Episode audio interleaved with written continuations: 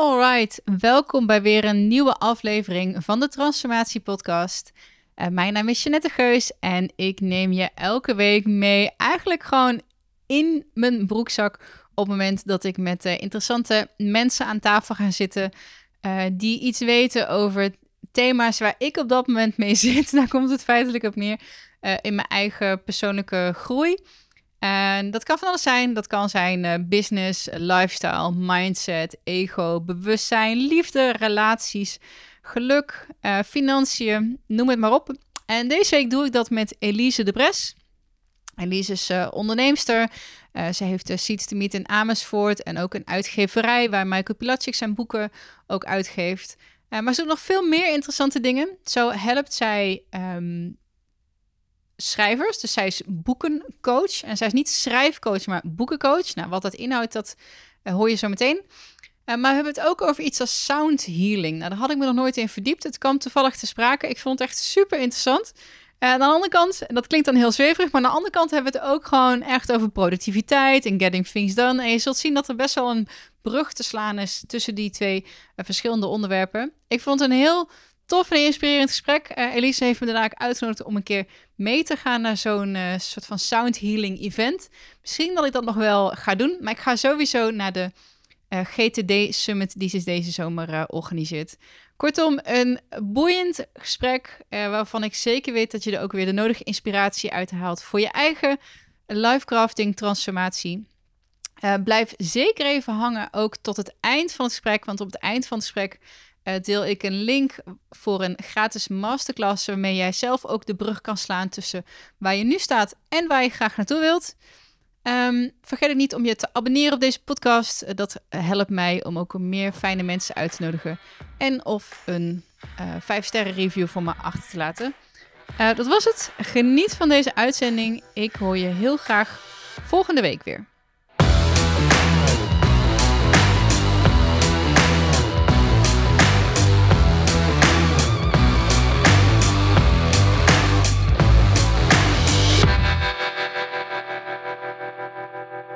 Elise, welkom. Ik zit hier bij uh, Seeds to Meet, Amersfoort Centraal Station. En um, ja, jeetje, ik was... Uh, hoe moet ik jou nu introduceren? Want je bent en de eigenaar van Seeds to Meet Amersfoort. Maar je bent ook... Samen met mijn compagnon, Tianne ook... van Woudenberg. En uitgever. Ja. Onder andere waar Michael Pilatschik zijn boeken uh, heeft ondergebracht. En je bent boekcoach. Dat klopt. Nog iets gemist? Uh, nou, ik ben altijd met van alles bezig. Ja. dus ik weet nooit zo goed uh, hoe ik mezelf daarin uh, moet noemen. Ik denk ondernemer en uh, storyteller. Ja. Um, ja, en vooral dat stuk boeken, want daar hadden we net in het voorgesprek ja. ook over. Ik heb zelf twee boeken in eigen beheer uitgebracht. En ik ken best wel veel mensen die boeken in eigen beheer gaan of de wens hebben. En dan krijg je ook vragen van hoe heb jij dat nou gedaan? En eigenlijk denk ik, ja jeetje, we deden eigenlijk maar wat. Maar dat is precies ook waar jij mensen mee helpt. En um, ik vind het wel leuk om daar een beetje, een beetje in te duiken ook. Van oké, je hebt een idee, je wil een boek. Uh, wat kom je tegen? Wat zie je? Wat signaleer je? Nou, ik neem altijd eerst een stap terug met uh, mensen. Want mijn frustratie is vaak, je hebt soms hele mooie boeken, maar ook soms hele lelijke boeken. Maar, of succes, zogenaamd succesvolle boeken, maar die doen uiteindelijk niet uh, wat degene die, van wie het idee komt, vaak is dat de schrijver, maar soms is het bedrijf, um, wat ze echt voor ogen hadden. Dus er blijft heel vaak een soort frustratie, of bij de maker, um, of bij soms de lezer of de ontvanger eh, van het boek. En in het maken of als je een boek produceert, er komen heel veel kleine beslissingen voort. En vaak kan je met zo'n klein beetje meer kennis of net even wat ander uit of de box denken, kan je gewoon een zoveel gaver boek vaak neerzetten. Maar ook een boek wat veel beter voor je werkt. Wat veel meer uh, een ja, representatie is van wie je bent of wat je ermee wil bereiken. En wat ik vaak doe als ik met mensen in gesprek ga, uh, ongeacht of ze het in eigen beheer willen uitgeven of toch een uitgever willen zoeken, maar die gewoon een boekidee hebben of een boekendroom, is waarom wil je dat nou doen? Waarom moet dit boek te komen? Uh, is het echt puur een business idee? Is het uh, een soort missionarisdrang? Maar ja, als ik dan zeg, oké, je wil er zoveel, je wil dat iedereen jouw missie kent. Dan zeg je, oké, goed, dan eh, maken we een pdf van. We geven het aan iedereen gratis weg. Maar ja, dan 9 van de 10 keer is dat ook niet helemaal de bedoeling.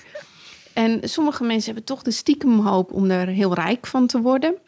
Dan zeggen ze nee, het geld doet er niet toe. Maar ondertussen hebben ze een begroting van A tot met Z die echt flink is. En dat willen ze toch wel allemaal terugverdienen. En dan het liefst ook nog hun uren. Ja, dan kom je toch al ook weer op bedragen die soms wel en soms niet uh, reëel zijn. Dus ik probeer altijd heel zuiver te krijgen. Waarom, waarom moet dit boek er nou komen? En vaak zitten er toch redenen achter die niet altijd even vanzelfsprekend uh, zijn. Vaak is het uh, een combinatie van hey, het is een goed idee. Het is me eigenlijk aangepraat door mijn, door mijn omgeving. Dat moet je doen. Dat kom je eigenlijk uiteindelijk vaak heel veel uh, tegen. Of het is echt een drang om dat verhaal en die boodschap naar buiten te brengen. Maar wat die boodschap is, is soms niet één op één wat het boek is. Um, dus uh, hoe kan ik dat uitleggen? Uh, bijvoorbeeld zijn mensen die een, een, verhaal over hun eigen leven naar buiten willen yeah. brengen. En die zeggen, daarmee wil ik mensen inspireren. Maar de echte boodschap daarachter is bijvoorbeeld uh, dat liefde altijd alles overwint. Of dat je juist altijd van het verhaal, verhaal de moraal ja. van het verhaal. En, en die, die moet je een soort te pakken zien te krijgen. Want dan kan je daar volgens alles op afstemmen. Variërend van, is het dus goed om dan bij een commerciële uitgever terecht te komen en bepaalde compromissen te sluiten? Is het goed om het zelf uit te geven? Is het goed om er een heel luxe boek van te maken? Want sommige mensen die hebben wel de, willen dat het boek bij zoveel mogelijk mensen terechtkomt, maar tegelijkertijd bepaalde ideeën over vormgeving en productie die heel erg duur zijn. Dus dan moet je bijvoorbeeld 100 euro voor je boek vragen. Maar ja, dat staat dan een klein beetje in contrast dat het bij zoveel mogelijk mensen ja. komt. Dus zo probeer je al die afweging te maken dat het congruent is en dat je daar echt een geheel van hebt. En, is, het, is het alleen in mijn hoofd, maar misschien omdat ik een beetje zit dan een beetje ja. in zo'n wereldje van mensen die dan boeken schrijven. Het voelt soms alsof er een beetje wildgroei is. Omdat ja. het natuurlijk heel erg makkelijk is om printing on demand en uh, zelf een, een drukkerij, ja. zeg maar, dingen te bestellen? Of, die dat, drempel is, dat is zo? Ja, die drempel is veel lager. Uh, voorheen moest je altijd een oplage maken. Dus je had minimaal 5000 euro nodig. Nu, zeker als je een beetje handig bent, ja, je kan in de software zo zelf een soort layout in elkaar zetten. Nou, als je een beetje handig kan schrijven, dan kost het wel heel veel tijd, maar dat is ja. het. Dus die drempel is vele en vele malen lager uh, geworden. Plus ook de druk eromheen is vele malen hoger. Ja, je bent gek als je het niet doet, want het vergroot je expertstatus. Dat, uh, ja, je moet je verhaal delen. Ja. En op de een of andere manier is nog steeds op het moment dat je minimaal 100 pagina's hebt geschreven, ook al kan je helemaal niks, maar je hebt dat wel gedaan, ja, dan ben je toch meer een expert dan degene die misschien 30 jaar ervaring heeft, maar geen boek over zijn theorie heeft geschreven. Ja. Dus daar zit, ook, uh, daar zit dat ook achter. Is dat ook de meest voorkomende reden voor mensen om een boek in eigen beheer uit te willen geven om, om hun expertstatus te verhogen? Of is het meer, ik heb een heel interessant leven gehad of een les geleerd of iets meegemaakt en ik wil daar mensen mee uh, in aanraking Om er echt een boek van te maken is heel vaak toch wel dat een soort veredeld visitekaartje uh, is. Okay. Dat, daar komt het uiteindelijk wel, er zal niet iedereen het mee maar eens zijn, maar dat is wel eigenlijk als je het helemaal plat slaat, yeah. is dat toch wel uh, vaak, het is gewoon een andere uiting.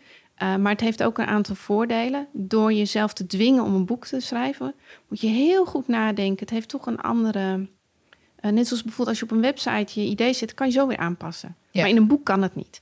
Dus wat het bijeffect is, ook al geef je nooit je boek uit, maar op het moment dat je je gedachtegoed in een boek gaat vormgeven, dwingt het je echt tot de kern te komen, de diepte in te gaan en het een soort voor de eeuwigheid vast te leggen.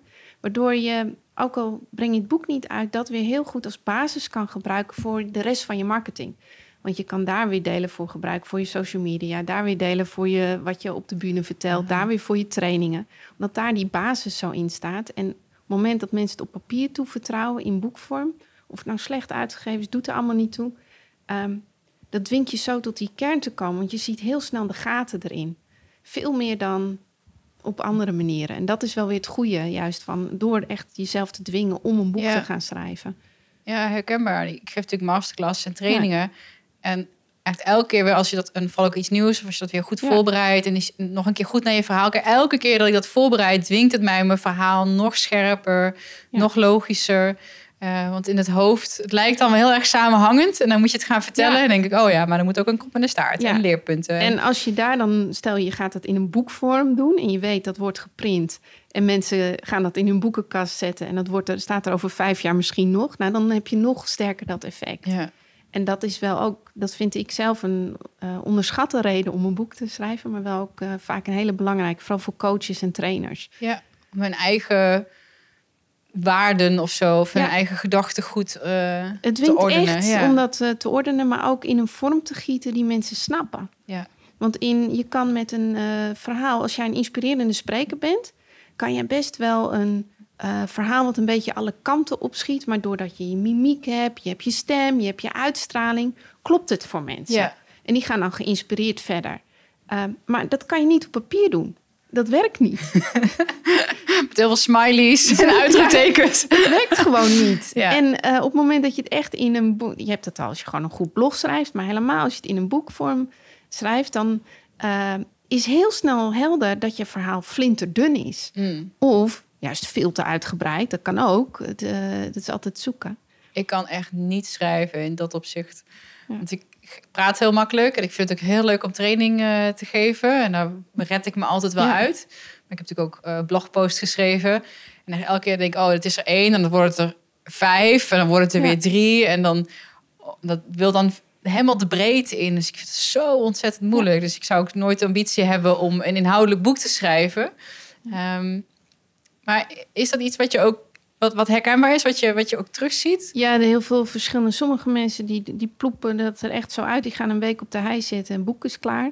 Andere mensen zijn er eh, acht jaar mee bezig. En gooien het 130 keer weg. Ja. En heel vaak waar het nog het meest mee te maken heeft, niet of ze wel of niet kunnen schrijven. Ehm, want dat doet er eigenlijk ook niet toe. Want je kan altijd, als jij, van jou moet de inhoud komen.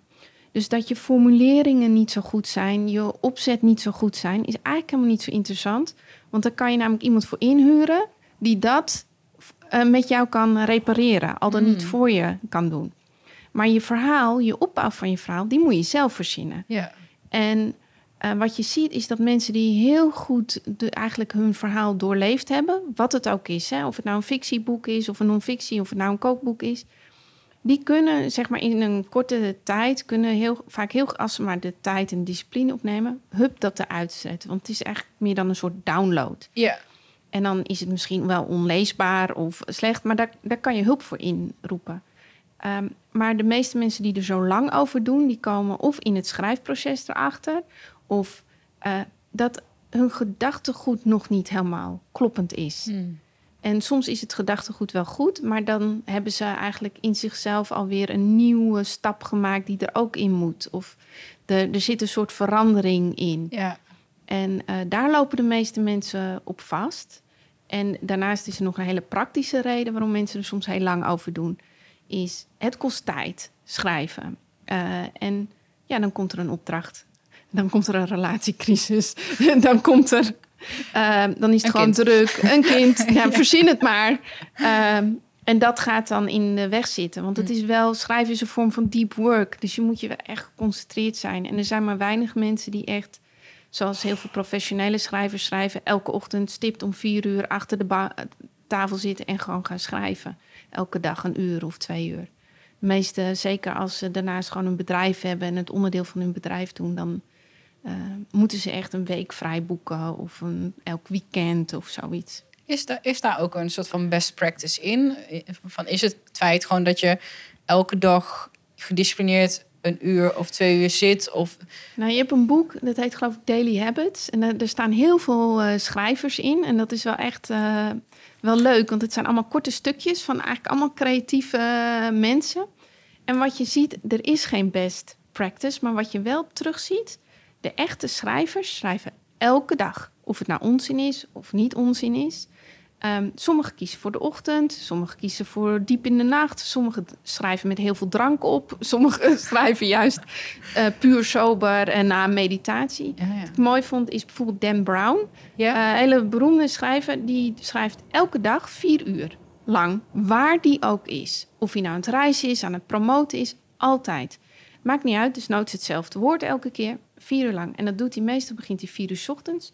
Hij heeft blijkbaar een wat groot huis. Dan loopt hij naar zijn kamer toe, komt hij langs de piano, speelt één noot, loopt door naar zijn werkkamer, gaat daar zitten, komt terug, weer één noot en dan is het weer klaar. En dan gaat hij research doen, dan gaat hij. Mm.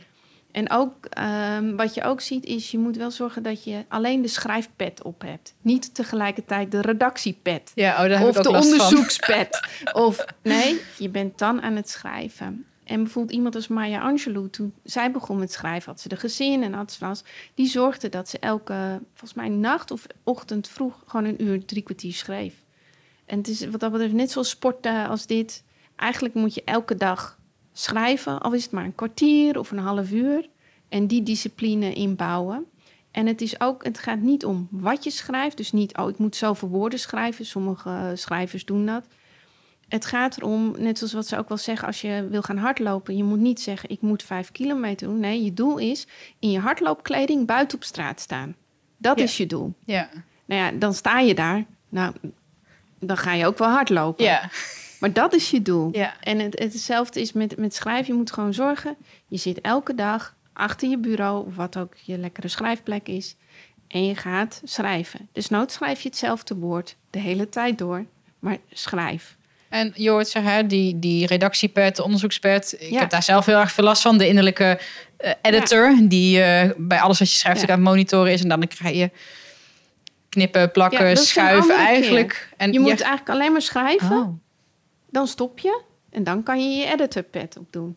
Maar je moet dat scheiden. Dat is het meest efficiënte eh, proces. En ik merk ook dat als ik schrijf, eigenlijk pen en papier, schrijf ik voor mijn gevoel beter zonder doorhalingen dan eh, op de de- laptop. Ja. Is dat ook nog iets? Dat is gevoelsmatig. Ah. Maar zij zeggen ook wel eens dat van papier lezen uiteindelijk je ook in meer informatie opneemt. En ik hoorde laatst dus toevallig van mijn zoontje, die had moeite met Franse woordjes leren. En de juf die vertelde van je moet zorgen dat je het steeds naschrijft. Want dan gaat het namelijk niet alleen eh, in je hoofd zitten, het gaat ook in je spieren zitten. Ah, Het gaat in je, dan gebruik je meerdere intelligenties. Zo heb ik hem maar even opgevat. Ja. En ik, dat is ook met dingen van je afschrijven. Als ik het, ik heb, eh, ik gebruik dan Getting Things Done heel veel om lijstjes te maken. Maar als ik echt in de stress zit, dan ga ik weer terug naar papier. Dan heb ik weer gewoon alles op papier. Dan gooi ik al mijn digitale systemen weg op papier. Want Ja. dan heb, voelt het als meer controle, meer eh, steviger of zo. Dan kan je letterlijk iets doorstrepen. Je, weet niet, Ja. dat doet iets. Dat, dat fysieke aspect ervan. Het voelt ook waardevoller, merk ik. Ja. Want ik geef dan ook eh, van de week nog een masterclass over... dan leer ik mensen werken met zo'n boekje. Ja. Ook hè, pen en papier, een mooi boekje met een mooie pen. Ja, nu niet, maar... ehm, je denkt eerder na en het voelt ook, weet je, je, je to-do-lijst voelt ook waardevoller of zo. En ook urgenter. Ik weet niet wat dat eh, digitaal jaar... Dat- Het, het, het verdwijnt Ja. meer alsof het niet echt is. Maar ja, het is hetzelfde als met geld. Wat op je bankrekening staat is gewoon een nummer. Maar op het moment dat je cash in je portemonnee hebt... en het verdwijnt uit je portemonnee... dan realiseer je wat je hebt eh, uitgegeven. Ik vind het wel heel interessant dat je gewoon zegt: ik ga alleen schrijven en niet onderzoek Ja. doen. Want dat zou dan weer de tijd die je op een ander moment. Ja, eh, want het loopt zoiets. Stel dat je een boek wil schrijven, of je loopt met, met het idee, lopen die sporen door elkaar? Het of kan zijn echt zeker- fasen? Nee, het kan echt door elkaar lopen. Je hebt wel fases. Ehm, en dat, is, dat hangt per persoon af. Sommige mensen ehm, die eh, doen eerst al het onderzoek en gaan dan pas schrijven. Sommige mensen beginnen met schrijven. Dan lopen ze weer iets tegenaan waar ze onderzoek voor moeten doen. Gaan dan weer onderzoek doen. Sommigen zijn zowel met onderzoek als schrijven bezig. Ja. Het gaat meer om dat je maar één ding tegelijkertijd doet. eh, op het moment dat je bezig bent. Dus je bent of met het onderzoek bezig. En dan schrijf je misschien, heb je wel, kom je gave zinnen tegen.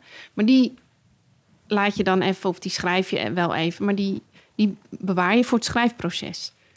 Wat, wat ik klinkt misschien heel stom, maar wat voor boeken moeten we gewoon stoppen met schrijven? Zo denk ik van, oh, daar zijn er al te veel van. Of, of eh, is er nog ruimte voor alle soort boeken? Ik denk als je, zodra je een unieke invalshoek hebt... of net een andere tone of voice... dan spreek je weer een andere doelgroep aan. Alleen wat je gewoon ziet, dat is... ehm, bijvoorbeeld eh, een jaar of twintig geleden was heel erg eh, in de Cele- Celestijnse belofte... was echt een enorme hype. Ja. Nou, prompt zag je acht andere boeken of tien andere boeken... ook allemaal met zo'n waterval op de voorkant. Allemaal een soort slappe aftreksels. En waar ik gewoon niet in geloof... zijn boeken schrijven vanwege het businessmodel. Mm. Oh, dat is slim. Dan moet jij niet doen. Laat maar aan iemand anders over. Je ziet gewoon snel. Dus als ik zou zeggen, stoppen met boeken, schrijf nooit een boek over waar je niet heel gepassioneerd over bent. Ben je over iets gepassioneerd waar al 30 boeken over zijn, maar jij voelt dat je iets toe te voegen hebt, doe het vooral. Dan vindt het wel weer zijn weg. Ja. Het is wel lastiger om het te verkopen en uh, te doen. Hetzelfde als je ziet met bepaalde dieet uh, hypes. Als er, uh, nou ja, bijvoorbeeld nu is dat keto-dieet nou zo populair. Nou, Stel, maar jij hebt een net weer wat andere take erop. Ja, dan kan je dat prima uitgeven. Als het maar geen slap aftreksel wordt van wat er zeg maar het eerste boek was of de eerste twee. Uh, ja, wat ik nu zie, weet je, ja, te druk noemden wij net al in het voorgesprekje en grip. Ik denk, oh, het lijkt wel alsof iedereen in één keer op productiviteit, maar ook geluk. Want geluk is natuurlijk ook nu heel erg en ik, ja, misschien is het wel gewoon de bubbel waar ik even in zit. En is het voor de rest van Nederland helemaal niet zo super relevant. Want daar ben ik altijd wel alert op. Ik denk, ja, soms lijkt het alsof iedereen daarop zit. Maar dat is gewoon omdat ik mijn perspectief daar nu op uh, is. Nou, je ziet dat nu wel de mensen er veel meer klaar voor zijn. Ik heb ruim tien jaar geleden David Allen naar Nederland uh, voor een uh, groot congres van Getting Things Done toen uitgenodigd. En toen waren we heel erg bezig. Toen was ik heel erg diep bezig met Getting Things Done en al die productiviteit. Maar het was allemaal best wel moeizaam om mensen. Er waren wel mensen die daar open voor stonden. Maar de gesprekken en niemand snapte het. En nu is echt iedere. Ja, Jan Doedel wou ik bijna zeggen. Maar bijna iedereen is bezig en bewust van. Ja, dat gaat ook niet zoveel mails in mijn mailbox. Oh, dat, ik heb ook echt iets nodig om mijn to-do's op te schrijven. Ja. Tegelijkertijd zie je nu, en dat vind ik eigenlijk veel interessanter dan altijd maar al wat meer efficiënter, effectiever is soort een beweging van om dat ook wel weer los te laten en te vertrouwen op je intuïtie. En juist die kant uh, op te gaan en gewoon te zoeken, ja, maar wat is nou eigenlijk de oorzaak? En wat wel heel mooi was, uh, er was een soort voor mij ook cirkel rond. Uh, aantal, ruim een maand geleden hadden we hier het Permanent Beta Festival op de locatie en ik mocht David Allen interviewen. En uh, we hadden dus dat gesprek. Maar wat daar eigenlijk uit voortkwam, ook, dat is ook wat David zei. En dat vond ik zo mooi. Iedereen heeft altijd bij idee met Getting Things Done. Zeker als ze beginnen. Dat is mijn manier om zoveel mogelijk gedaan te krijgen. Want ja, Getting Things Done. Nou, dat is vaak hoe mensen beginnen. Het tweede is de realisatie bij mensen. Oh, het is, uh, ik weet heel goed wat ik niet doe. Dus maar alles wat op al die lijsten staat, moet wel op een gegeven moment een keer af of eraf gestreept of wat dan ook. En het mooie was, wat met David ook zei, is eigenlijk de conclusie. Getting things done is eigenlijk een middel om je hoofd schoon te houden. Het gaat er helemaal niet om of het allemaal gedaan wordt of dat het allemaal af is. Het gaat erom dat jij met een gerust hart weet wat je niet aan het doen bent. Uh, wat je commitments uh, zijn, dat je daar, waardoor je hoofd vrij is om te doen wat het echt doet. Dat is creatief te zijn, aan je persoonlijke ontwikkeling te werken, aan je spiritualiteit te werken, aan de dingen die echt belangrijk ja. zijn. En dat is. Uh, en, en ik merk dat daar nu ook een hele grote groep mensen zich meer naar het bewegen is. Zo ik vind dat echt een hele mooie. Je realiseren wat je niet aan het uh, doen bent. Ja. Uh, en dan ook loslaten dat alle lijstjes afgevinkt moeten worden. Ja. Want daar loop ik dan zelf ook wel tegenaan. Maar dat is, vind ik het fijne van papier trouwens, ja. van digitaal. Digitaal, dat wordt, dat wordt meer, meer, meer, meer. En papier, dat leg ik ook weer wat makkelijker naast me weg. En dat zie ik dan ook niet meer. En als het echt belangrijk is, dan zoek ik het weer terug op. En dan komt het weer opnieuw op mijn echte actielijst staan. Ah, ja. Maar, het is, maar bij mij is echt een paar jaar geleden, ook toen ik het bizar druk had, echt bizar veel stress, bizar, echt zo, alles ging ook mis met allerlei producties en dingen. En het was gewoon veel te veel. Uh, maar te, toen daarna denk ik van, wat is er nou? nou en dan merkte ik van, ja, ik ben eigenlijk krampachtig bezig om alles maar continu af te hebben, overal direct op te reageren, alles maar perfect eigenlijk uh, te willen doen. Maar ook kwam me echt de realisatie: het werk zoals de omgeving is, zoals de maatschappij nu is, is nooit af. Hmm. Je kan het wel willen, maar het is nooit af. Heb je ook als lopen ook niet-ondernemers daar tegenaan? Ja, als je kijkt naar jouw vrienden en Een van de realisaties was een vriendin van mij. Die werkte bij een heel grote verzekeringsmaatschappij in de accountancy. En uh, we hadden het over e-mail. En ik vertelde van ja, mijn doel is nog steeds wel om altijd uh, inbox zero ja, te hebben. Of op zijn maximaal 30 mailtjes mogen er een soort van, dat is mijn grens, in blijven hangen. maar als het er meer worden, word ik heel onrustig en dit of dat. Maar zij is zo'n type waar er gewoon 50.000 mails in die mailbox staan. Die ken ik ook. die nooit iets archiveert, die nooit iets doet en dergelijke. En ik had zoiets. Ze zegt, ja, maar ik realiseer me gewoon al tien jaar. Echt ook al zo lang. Dezelfde leeftijd. Maar ja, mijn werk is nooit af. Als het echt belangrijk is, mailen ze me nog wel een keer. Ja, ik doe zoveel mogelijk. Maar wat maakt het nou uit of er nou 50 mails in staan of 500 of 50.000? En ik denk, ja, daar heb je ook wel gelijk in. Het is nog hmm. steeds niet mijn manier, want het, bij mij doet het iets visueels. En ook om die teller op 50.000, want dus, dat kan je ook in sommige programma's helemaal niet uitzetten. Uh, maar wel van, ja, shit, bij niemand meer komt het werk ooit af. Hmm. En uh, ja, de, misschien, de, de stratenmaker misschien, maar die weet dan dat hij de volgende dag weer keihard moet werken. Dus ergens is het werk ook nooit af. En die heeft daarnaast ook een huishouden te runnen. Want dat, uh, volgens mij, um, heeft David Allen het daar ook over. Maar wat we met Selfers ook doen, ja, weet je, dat werk privé. Ik maak niet alleen mijn lijstjes voor mijn werk. Ik maak ook mijn lijstjes voor mijn vakantie en mijn verbouwing en mijn auto. Weet je, want dat hoort, dat is allemaal gewoon de minuutjes die ik te besteden heb. Ja. Uh, maar het loopt ook allemaal door elkaar. En bij mij is dat ook wel. Ik vind dat ook tot een bepaalde hoogte ook juist heel fijn dat dat door elkaar loopt. Ik wil niet gestrest worden als ik een goed business idee op vakantie heb van, oh dat mag niet, want het is vakantie. Ja. het is nu weekend. Nee, hoofd, foei. Ja, dat, zo werkt dat bij mij niet. Maar, maar, je moet wel zorgen dat die balans blijft. En dat je wel ook uh, dan af en toe eens uh, nee kan zeggen. Of niet altijd bereikbaar zijn. Of, uh... Hoe implementeer jij Getting Things Done? En in hoeverre heb jij dat zeg maar onderdeel gemaakt van jouw manier van werken? dat, dat zit hem vooral dat ik... Ehm, ik maak eigenlijk alles wat ik niet moet vergeten... van alles wat ik moet doen, dat, dat schrijf ik op eigenlijk per project. Uh, per bedrijf, omdat ik meerdere bedrijven heb. En ik merk, heb gemerkt dat op zich gaat Kettingvings dan zeker de traditionele van... oh, wie zet je op je bellijst, wie zet je op je e-maillijst, dit en dat. En ik kwam erachter van, dat werkt niet goed voor mij. Uh, A, ik vind het verschrikkelijk om een heel een lijstje mensen af te bellen. Dat, dat werkt gewoon niet. Plus, ik kan eigenlijk alles op mijn actielijst ten alle tijden altijd doen. Omdat ik echt zo'n werknomade ben. Als ik mijn computer maar bij me heb, die heb ik altijd bij me. En tegenwoordig kan ik alles op mijn telefoon. Uh, dus waardoor het ook een soort één lange masterlist is geworden. Maar wat ik wel heb gemerkt, wat voor mij belangrijk is, is dat ik um, wat ik voor Seeds doe, scheid van wat ik voor de uitgeverij bijvoorbeeld doe. Ik kan het allebei op allebei de plekken doen, maar ik vind het fijn om die acties allemaal bij elkaar te zien. En alles bij elkaar voor de uitgeverij. Dus in de basis onderscheid ik het daarin. Dus ik doe het vaak per project. Ja. Uh, dat ik, uh, dan denk ik, oh, nu ga ik aan het project uh, van Jeanette werken. Nou, dan hou ik die acties allemaal bij elkaar. Ja. Want dat vind ik prettig voor mezelf om op, op, op, die manier te werken. Ehm, dus dat zet ik allemaal bij elkaar. En ik probeer altijd zo goed mogelijk wel de acties zo te formuleren of het project van wanneer het echt klaar is. Ehm, maar ik merk als ik me gewoon goed voel en doe, dan ben ik daar best slordig in. Dan staat er ook wel gewoon op bankbellen in plaats van uh, eerst dit of is dat. Maar als ik dan weer te veel heb of dat ik weer bijna ja, van die wagon zeg maar afkiep, dan trek ik dat weer aan. Want dat helpt juist om dat overzicht uh, te houden. Dus, dus, zo blijf je een beetje... Want van mezelf ben ik niet daar super gedisciplineerd in. Dus dat ver, verwatert dan weer. Totdat het weer te veel wordt. En dan weer even die stap... Uh, die stap uh, terug uh, daarin. Heel herkenbaar ook. Ja. Dat is een soort van pendelumbeweging ja. met dat je het weer even heel extreem doet en dan laat je het weer een beetje los, maar je komt eigenlijk nooit meer terug naar de beginsituatie. Nee. Dus je, je blijft jezelf wel steeds ja. gestructureerder en, en ik ook wel steeds weer nieuwe inzichten in heb. Bijvoorbeeld een inzicht was op een gegeven moment dat je ook emoties op kan schrijven.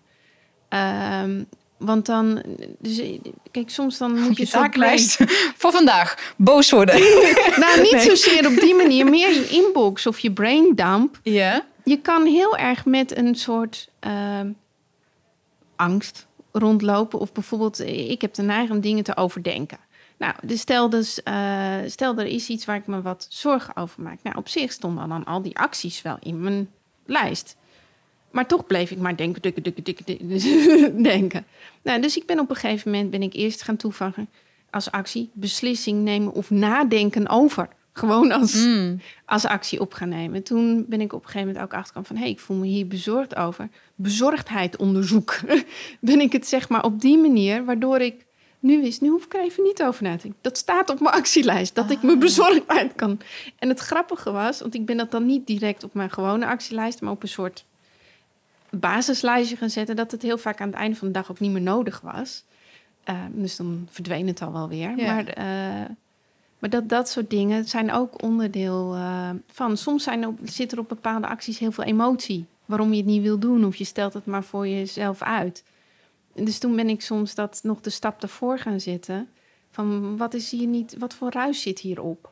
Om dat eerst te gaan onderzoeken. Hm. Wat zijn voor jou dan typische taken waarvan je denkt van, oh, weet je, daar zit weerstand? Of... Ja, dat het stomme is, dat zijn juist de kleine dingetjes. Dat is soms een bepaald persoon bellen voor iets heel lulligs, maar dat heeft dan te lang geduurd of zo. Ja. Uh, het zijn nooit de grote dingen. Ja. Het zijn juist die hele kleine waarvan je ook echt denkt, huh? waarom eigenlijk? Maar dan zijn het er net te veel.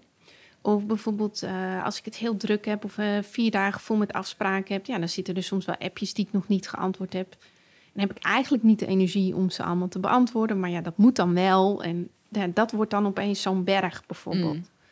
Uh, dat, het zijn juist die lullige dingetjes, terwijl de grote dingen, de belangrijke beslissingen over het algemeen ploep, ploep, ploep, ploep. Ja. Maar de, de, omdat die kleine dingetjes dan, zeker als je moe bent of niet lekker in je vel zit, wordt alles even belangrijk.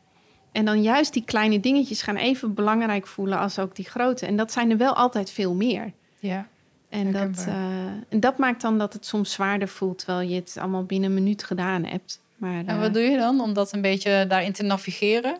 Uh, soms gewoon echt uh, letterlijk te zeggen: ga zitten op mijn stoel, doen. Me echt even er doorheen te drukken. Uh, soms doe ik dat. En soms is het ook bewust: nee, nu ga ik slapen.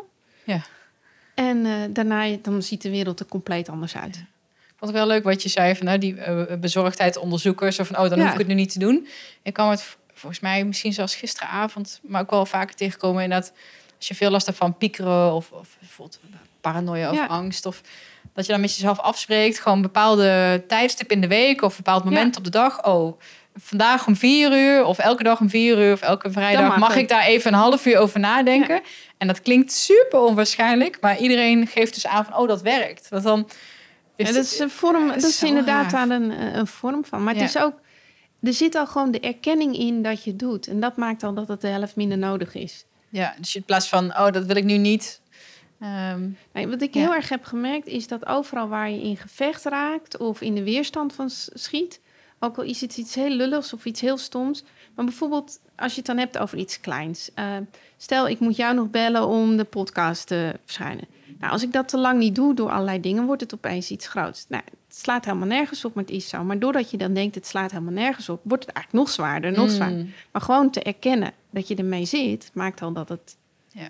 ja, want in het slaat nergens op zit eigenlijk ook een oordeel. Er zit een enorm oordeel. Ja. ja, want daarmee zeg je eigenlijk onbewust tegen jezelf uh, dat je stom vindt dat je daar weerstand op Ja, precies. vindt. Maar ja, Ja. die is er wel. Ja. En door dat te erkennen, wat daar dan ook achter zit... eh, want ergens voldoe je dan blijkbaar niet aan het beeld wat je van, van jezelf hebt. Eh, en daarnaast is waar ik steeds meer achter kom, gewoon alles heeft te maken met energie en je mindset. En die kan je gewoon ook ten alle tijden beïnvloeden. En door soms heel simpel te gaan slapen, door een leuk persoon eh, op te zoeken waarvan je weet, hey, die heeft een goede energie. Ja. Maar ook om bepaald juist iets anders te gaan doen eh, door te sporten. Maar kan ook door bepaalde frequenties te luisteren of licht op te zoeken. Of bepaalde nou, je hebt, eh, luisteren? binnen mu- je hebt eh, bepaalde geluidsfrequenties Ja. en lichtfrequenties. Nou, als je die bijvoorbeeld opzet, dan, dan krijg je een heel ander gevoel ook al. Die veranderen echt je energie. Die kunnen je echt Oh. meenemen. En eh, wij zijn bijvoorbeeld hier met een nieuw project bezig, dat heet het Speelveld, waarin we de energie van groepen kunnen beïnvloeden. Nou, dat kan op allerlei manieren. Eh, van, eh, gewoon, ja, daar heb je gewoon technieken voor die allerlei facilitators hebben. Maar je kan ook met licht en geluid. Als ik hier rood licht opzet, heeft een heel ander effect dan als ik hier blauw licht opzet of groen licht opzet. Maar ook heb je dat in muziek. Zitten er zijn bepaalde ja, geluiden of bepaalde frequenties die ook weer dat soort effecten eh, hebben. En dan Hmm. soms hangen er hele grote claims aan vast. Uh, maar ik had laatst een eh, soort soundshower gegeven om een aantal van die frequenties ook uit te te testen. Er zaten 25 mensen in de zaal, maar iedereen die had effecten ervan. De effecten wisselden, want iedereen heeft ook weer zijn eigen frequentie, zijn eigen energie. Maar dat uh, iedereen had daar bepaalde, merkte dat dat effect had van. Noem je nou een sound shower? ik noem het een sound shower. Ja, je hebt, dat, komt, dat woord komt eigenlijk voort. Je hebt sound baths en dat zijn vaak van die mensen met van die kristallen Tibetan bowls en kristallen schalen. Ja, die en, klankschaal. Die, zijn oh, die, vind ik, die wil ik al zo lang eentje kopen. Ja, die het geven dus. Ja, maar eigenlijk is, is dit waar het om gaat. Die geven een bepaalde frequentie af. En sommige van die frequenties corresponderen met planeten, sommige met je chakra's, sommige hebben weer andere. Daar heb je allerlei verschillende in. Ehm, maar al die frequenties doen wat met jou, omdat je zelf ook vibreert. Mhm. En dat komt dan uit een, eh, de sound healing. Dat er sommige dingen zijn helemaal hard wetenschappelijk bewezen, sommige helemaal niet. Iets wat nu bijvoorbeeld vaak terug hoort zijn binaural beats. Ja, die Dat ken is ik het wel. verschil tussen eh, het aantal hertz in je ene oor en aantal hertz in je andere oor. En dat heeft een effect op je brainwaves. Ja. Ehm, maar al deze frequenties hebben ook gewoon effect op je lijf. En op wat het, eh, wat het doet. En is iets, dat heet dan de solfeggio frequenties weer. Nou, die, dat komt overeen met de originele do, re, mi, fa, sol, la, ti donen. Nou, als je die bijvoorbeeld in een vrij pure vorm luistert... heeft dat weer een bepaald effect op je.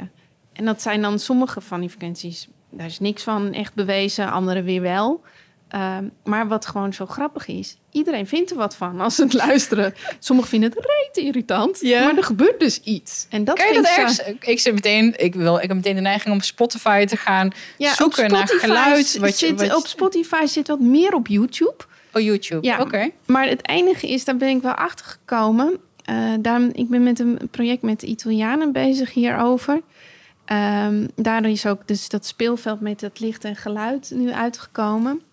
Eh, en zij hebben een soort meetapparaat waarin ze kunnen horen, meten welke frequentie in die muziek zit. En je komt dus achter dat dus wat op YouTube staat, sommige zijn wel miljoenen keren geluisterd. eh, maar dat ze net niet de juiste frequentie gebruiken. Want dan Oh. staat er, ja, 528 hertz wordt dan bijvoorbeeld veel gebruikt. Maar dan hebben ze eigenlijk erin 526 zitten of 530. En dan denk ik, Maar, want waar... Oké. We gaan hier even in. Ik vind het leuk. Stel dat je nou... Je zei 528 hertz. Ja. Hoe weet je dan... ehm, nou, ik noem maar even wat. Ik had bijvoorbeeld afgelopen zondag... Ja. Ik had echt een rotdag. Ik merkte het ochtends al. Ik had mijn vriend aan de telefoon. En we hingen op. En ik... En ergens is dat soort van... gelijk in die lage Ja, ergens is dat een... Nou, niet meteen, Ja. maar ik voelde me een beetje zo van... Oh, ik was nog niet klaar met bellen, Ja. maar we konden niet langer bellen, weet je wel. Dus En dat was gewoon heel geleidelijk aan, een soort van glijdende schaal. En het is- nou, dat is echt heel lang niet meer gebeurd. Maar echt Ja. afgegleden naar gewoon full-blown drama, Ik ben- attack, huilen, snotteren. Nou, echt, hij had, ik, ik had een en leiding zo van... Wat de hel is er gebeurd vandaag? Ik weet het niet. Ik kan mezelf niet in de hand. Maar Ja. ik denk, dan, oké, als het dat op de een of andere manier door iets als geluid, Ja. je, je vibratie, Ja. want ergens is er, is er een idee of een concept wat ik gewoon niet los kon laten. Ja. Maar dat kan Wat zich dan dus steeds verder. Ja, maar dat kan zich dus, dat kan je ervan losweken. Oké, Dat is hoe ik het zeg maar interpreteer. ja. Sowieso hebben al je emoties hebben, eh, een eh, frequentie. Er zijn een aantal plaatjes ben ik ook tegengekomen. En dan vind ik het wel interessant dat bijvoorbeeld... eh, dus onverschilligheid en verdriet, nou, die staan bij lage Ja. vibraties. En dan wordt bijvoorbeeld boosheid is al een stuk hoger. ja. En dan heb je ook moed en eerlijkheid. En de hoogste is eigenlijk liefde. Maar wat voor mij echt een, daarin een mooie was, is vreugde, joy, is nog hoger. ja. En als Oh je ja, kijkt naar ja. veel van die goeroes en verlichte mensen, die, zijn ook, die hebben altijd zo'n kinderlijke blijheid. Ja. Eh, of het nou de Dalai Lama is of Wim Hof, ze hebben allemaal ja. een soort... Ja, ja, ja, en dat is eigenlijk de hoogste frequentie voordat je helemaal een soort superverlicht wordt.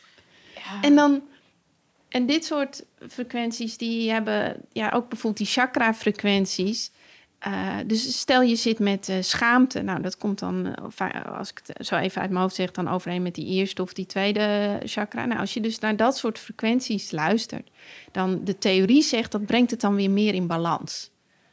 Oh, je zou denken dat het, het juist... Ik zou dan Die, eigenlijk alleen nog maar naar die vrolijke frequenties willen luisteren, omdat ik ja, het gaat mezelf niet uit om- die lage frequenties Ja, maar het gaat niet zo, zozeer om dat je naar de vrolijke... Kijk, muziek is sowieso bijzonder. Dat als je naar vrolijke muziek... Voor sommigen werkt vrolijke muziek, voor sommigen juist dan hele depressieve muziek. Ehm, dat doet al iets met je gemoedstoestand. Ja. Eh, maar die frequenties gaat, draait nog om iets anders. Dat bijvoorbeeld met die chakra-frequenties... dat zou dan weer je chakra's in balans brengen. Hmm. Dat is waar die Tibetan Bowls bijvoorbeeld doen. En, uh, en hoe dat nou allemaal precies werkt, dat, daar kom ik ook maar niet helemaal echt goed achter. Het gaat uiteindelijk allemaal vanuit het principe dat je, je bent energie, je bent een frequentie. Dus als je naar, daar weer frequenties op loslaat, heeft dat ook weer, gebeurt er iets. En eigenlijk is het zo dat als er iets, ja, zeg maar zo, zeg maar naar beneden vibreert, moet je eigenlijk de tegenovergestelde zien te vinden die dat precies opheft. Ik, ga dat, ik zou dat wel een keertje willen testen. Als je dan kijkt naar bijvoorbeeld zo'n zondag. Ik denk, eigenlijk is er rationeel is er helemaal niks aan de hand. Het is gewoon een, een, gedachte geweest die, die ja. op zich de ene manier geworteld heeft. maar dan zou je eigenlijk zo'n frequentie moeten zoeken. Dus waar je dan mee worstelt. Stel het is met schaamte of met angst. Onzekerheid. Of onzekerheid. Nou, daar staan bepaalde frequenties, uh, nummers staan voor die daar iets mee doen. Zou je dat dus op moeten zetten. En hmm. uh, kijk, ik vind het wel interessant, al die claims die daarbij horen van sommige van, ja, daar blijf ik vaak toch een beetje van weg, omdat het blijft soms een beetje vaag. Hmm. Tegelijkertijd, het doet, al die frequenties doen wat met mensen. En dat vind ik er mateloos uh, fascinerend uh, in. En daarmee beïnvloed je echt die energie van groepen ook en individuen. En breng je ze weer een uh, stapje Volgende verder. keer als ik hier binnenkom, dan kan hangt er hier een uh, Sonos-installatie met allerlei vibraties die mensen gefocust ja, Bijvoorbeeld, ja, we hebben vier, vier verschillende, omdat we het een beetje uit, ook uit die spirituele hoek, voor een deel ook, nou niet weg willen halen, dat niet. Dat is niet het goede woord. Hoe kan ik dat Uitbreiden. zeggen? Ik denk dat je het wil. Nou, we hebben het geclusterd in. ja, je wil het toegankelijk maken. Ja. En ook tegelijkertijd die zware claim ervan afhalen. Dus we hebben, wat we gedaan hebben, we, zijn, we hebben vier een soort van moods gedefinieerd. Uh, van inspiratie, focus, calm en play. Oké. Okay, yeah. uh, daaronder hebben we naar van wat wij aan onderzoek hebben gevonden, gewoon naar het beste zeg maar dingen geclusterd. En dat, daar zitten bepaalde frequenties, maar ook bijvoorbeeld wel bewezen, uh, echt bewezen sound healing technieken en dergelijke in. Maar ook bijvoorbeeld een er is in bepaalde tempelruimtes is een bepaald aantal, een bepaalde frequentie die mhm. steeds uh, toegepast werd op groepen mensen. En ja, dus die hebben daarin geclusterd, plus daar weer kleuren aangehangen. En dan kan je dan mee gaan experimenteren, zelf gaan spelen. En dat, dat kan je gewoon, stel dat mensen zitten luisteren en denken... oh wauw, ik ga eens even YouTuben. Dat, kon, dat kan, op YouTube kan je al die, al die frequenties al vinden, moet je gewoon zoeken. En, dan, en dat doe je dan in je oortjes of op de speaker? Kan allebei. Maakt niet uit. Oortjes vaak effectiever, omdat heel veel van, uh, hebben van die binaural beats erin gestopt. Oh, ja. En die werken eigenlijk alleen maar met oortjes. Omdat je het verschil tussen je ene oor en je andere oor moet doen. En binaural beats ken ik al heel lang. En ook al vaak ook toegepast. Ook met mediteren, maar ook gewoon met, met, met werken in een... Ja. Pomodoro, weet je ja. ja. En, en die binaural beats die zijn ook echt heel goed wetenschappelijk uh, onderzocht en bewezen wat het effect op je brainwaves is. Um, bijvoorbeeld uh, het effect van al die andere frequenties komen vooral uit uh, als je kijkt, er is wel wat wetenschappelijk bewijs, maar omdat het zo moeilijk is om precies, ja, hoe lang moet je er dan naar luisteren? Hoe hard moet het volume staan? Uh, nou, allemaal dat soort dingen is er wel wat uh, te vinden. Maar het is eigenlijk, er is bijvoorbeeld een heel stuk over dat een heel meer uh, op is geruimd met die 528-frequentie dan. Maar het is, niet, is daardoor zeg maar wat ingewikkelder. Uh, maar als je kijkt naar hoeveel mensen ernaar hebben geluisterd en hoeveel mensen hun zeg maar, getuigenis daarover hebben gegeven, een review, wat voor effect het is, ja, dat loopt echt in enorme aantallen. Ja. En dan tegelijkertijd heb je natuurlijk ook mensen die zeggen, ja, het werkt helemaal niet, want er is niks tussen zo. Dus nou, ik, ik, ben zelf, ik ben, ik voel me, ik vind mezelf een nuchtere, spiritueel, of hoe noem je dat? ik denk een beetje hetzelfde als jij. Ik vind die wetenschap uh, belangrijk en ook goed.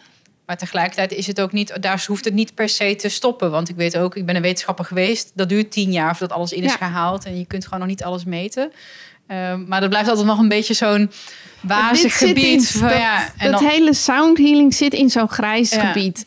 En dat komt gewoon omdat er is natuurlijk niet veel geld mee te verdienen.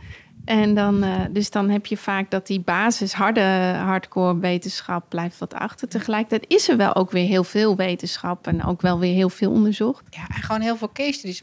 Ja. Ik, uh, het schiet me zo te binnen. Volgens mij is dat Casper van der Meulen.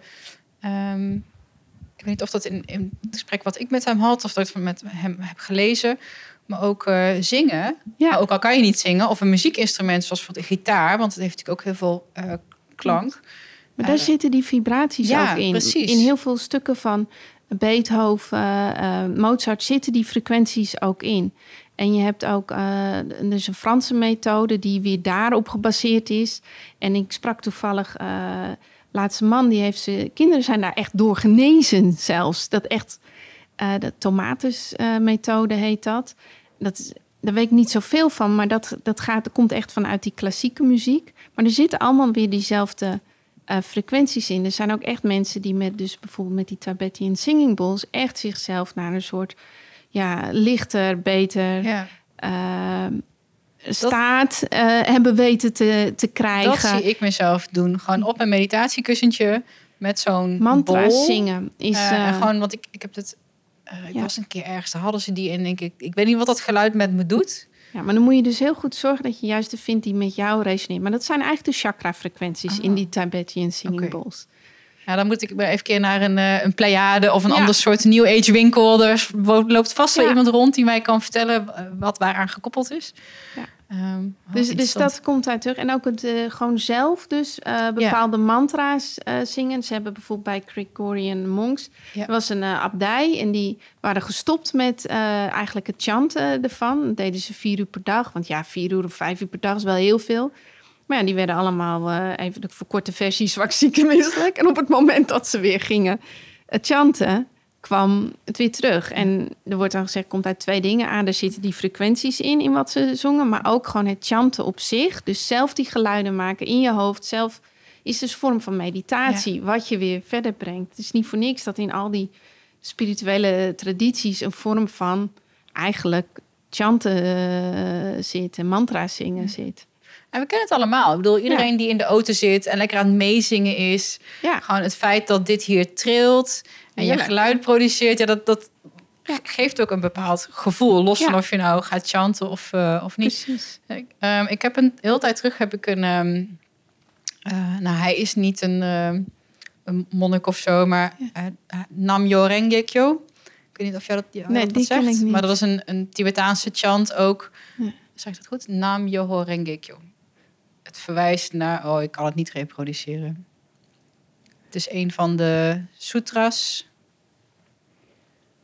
De lelie? Nou, ik weet niet, maakt niet uit. Ja. Maar die deed op een gegeven moment tot acht uur per dag. En dat is een, een tekst. En op een gegeven moment kan je hem uit je hoofd. En dan kan je ja. het heel snel. Dan had hij zo'n uh, zo'n orgel.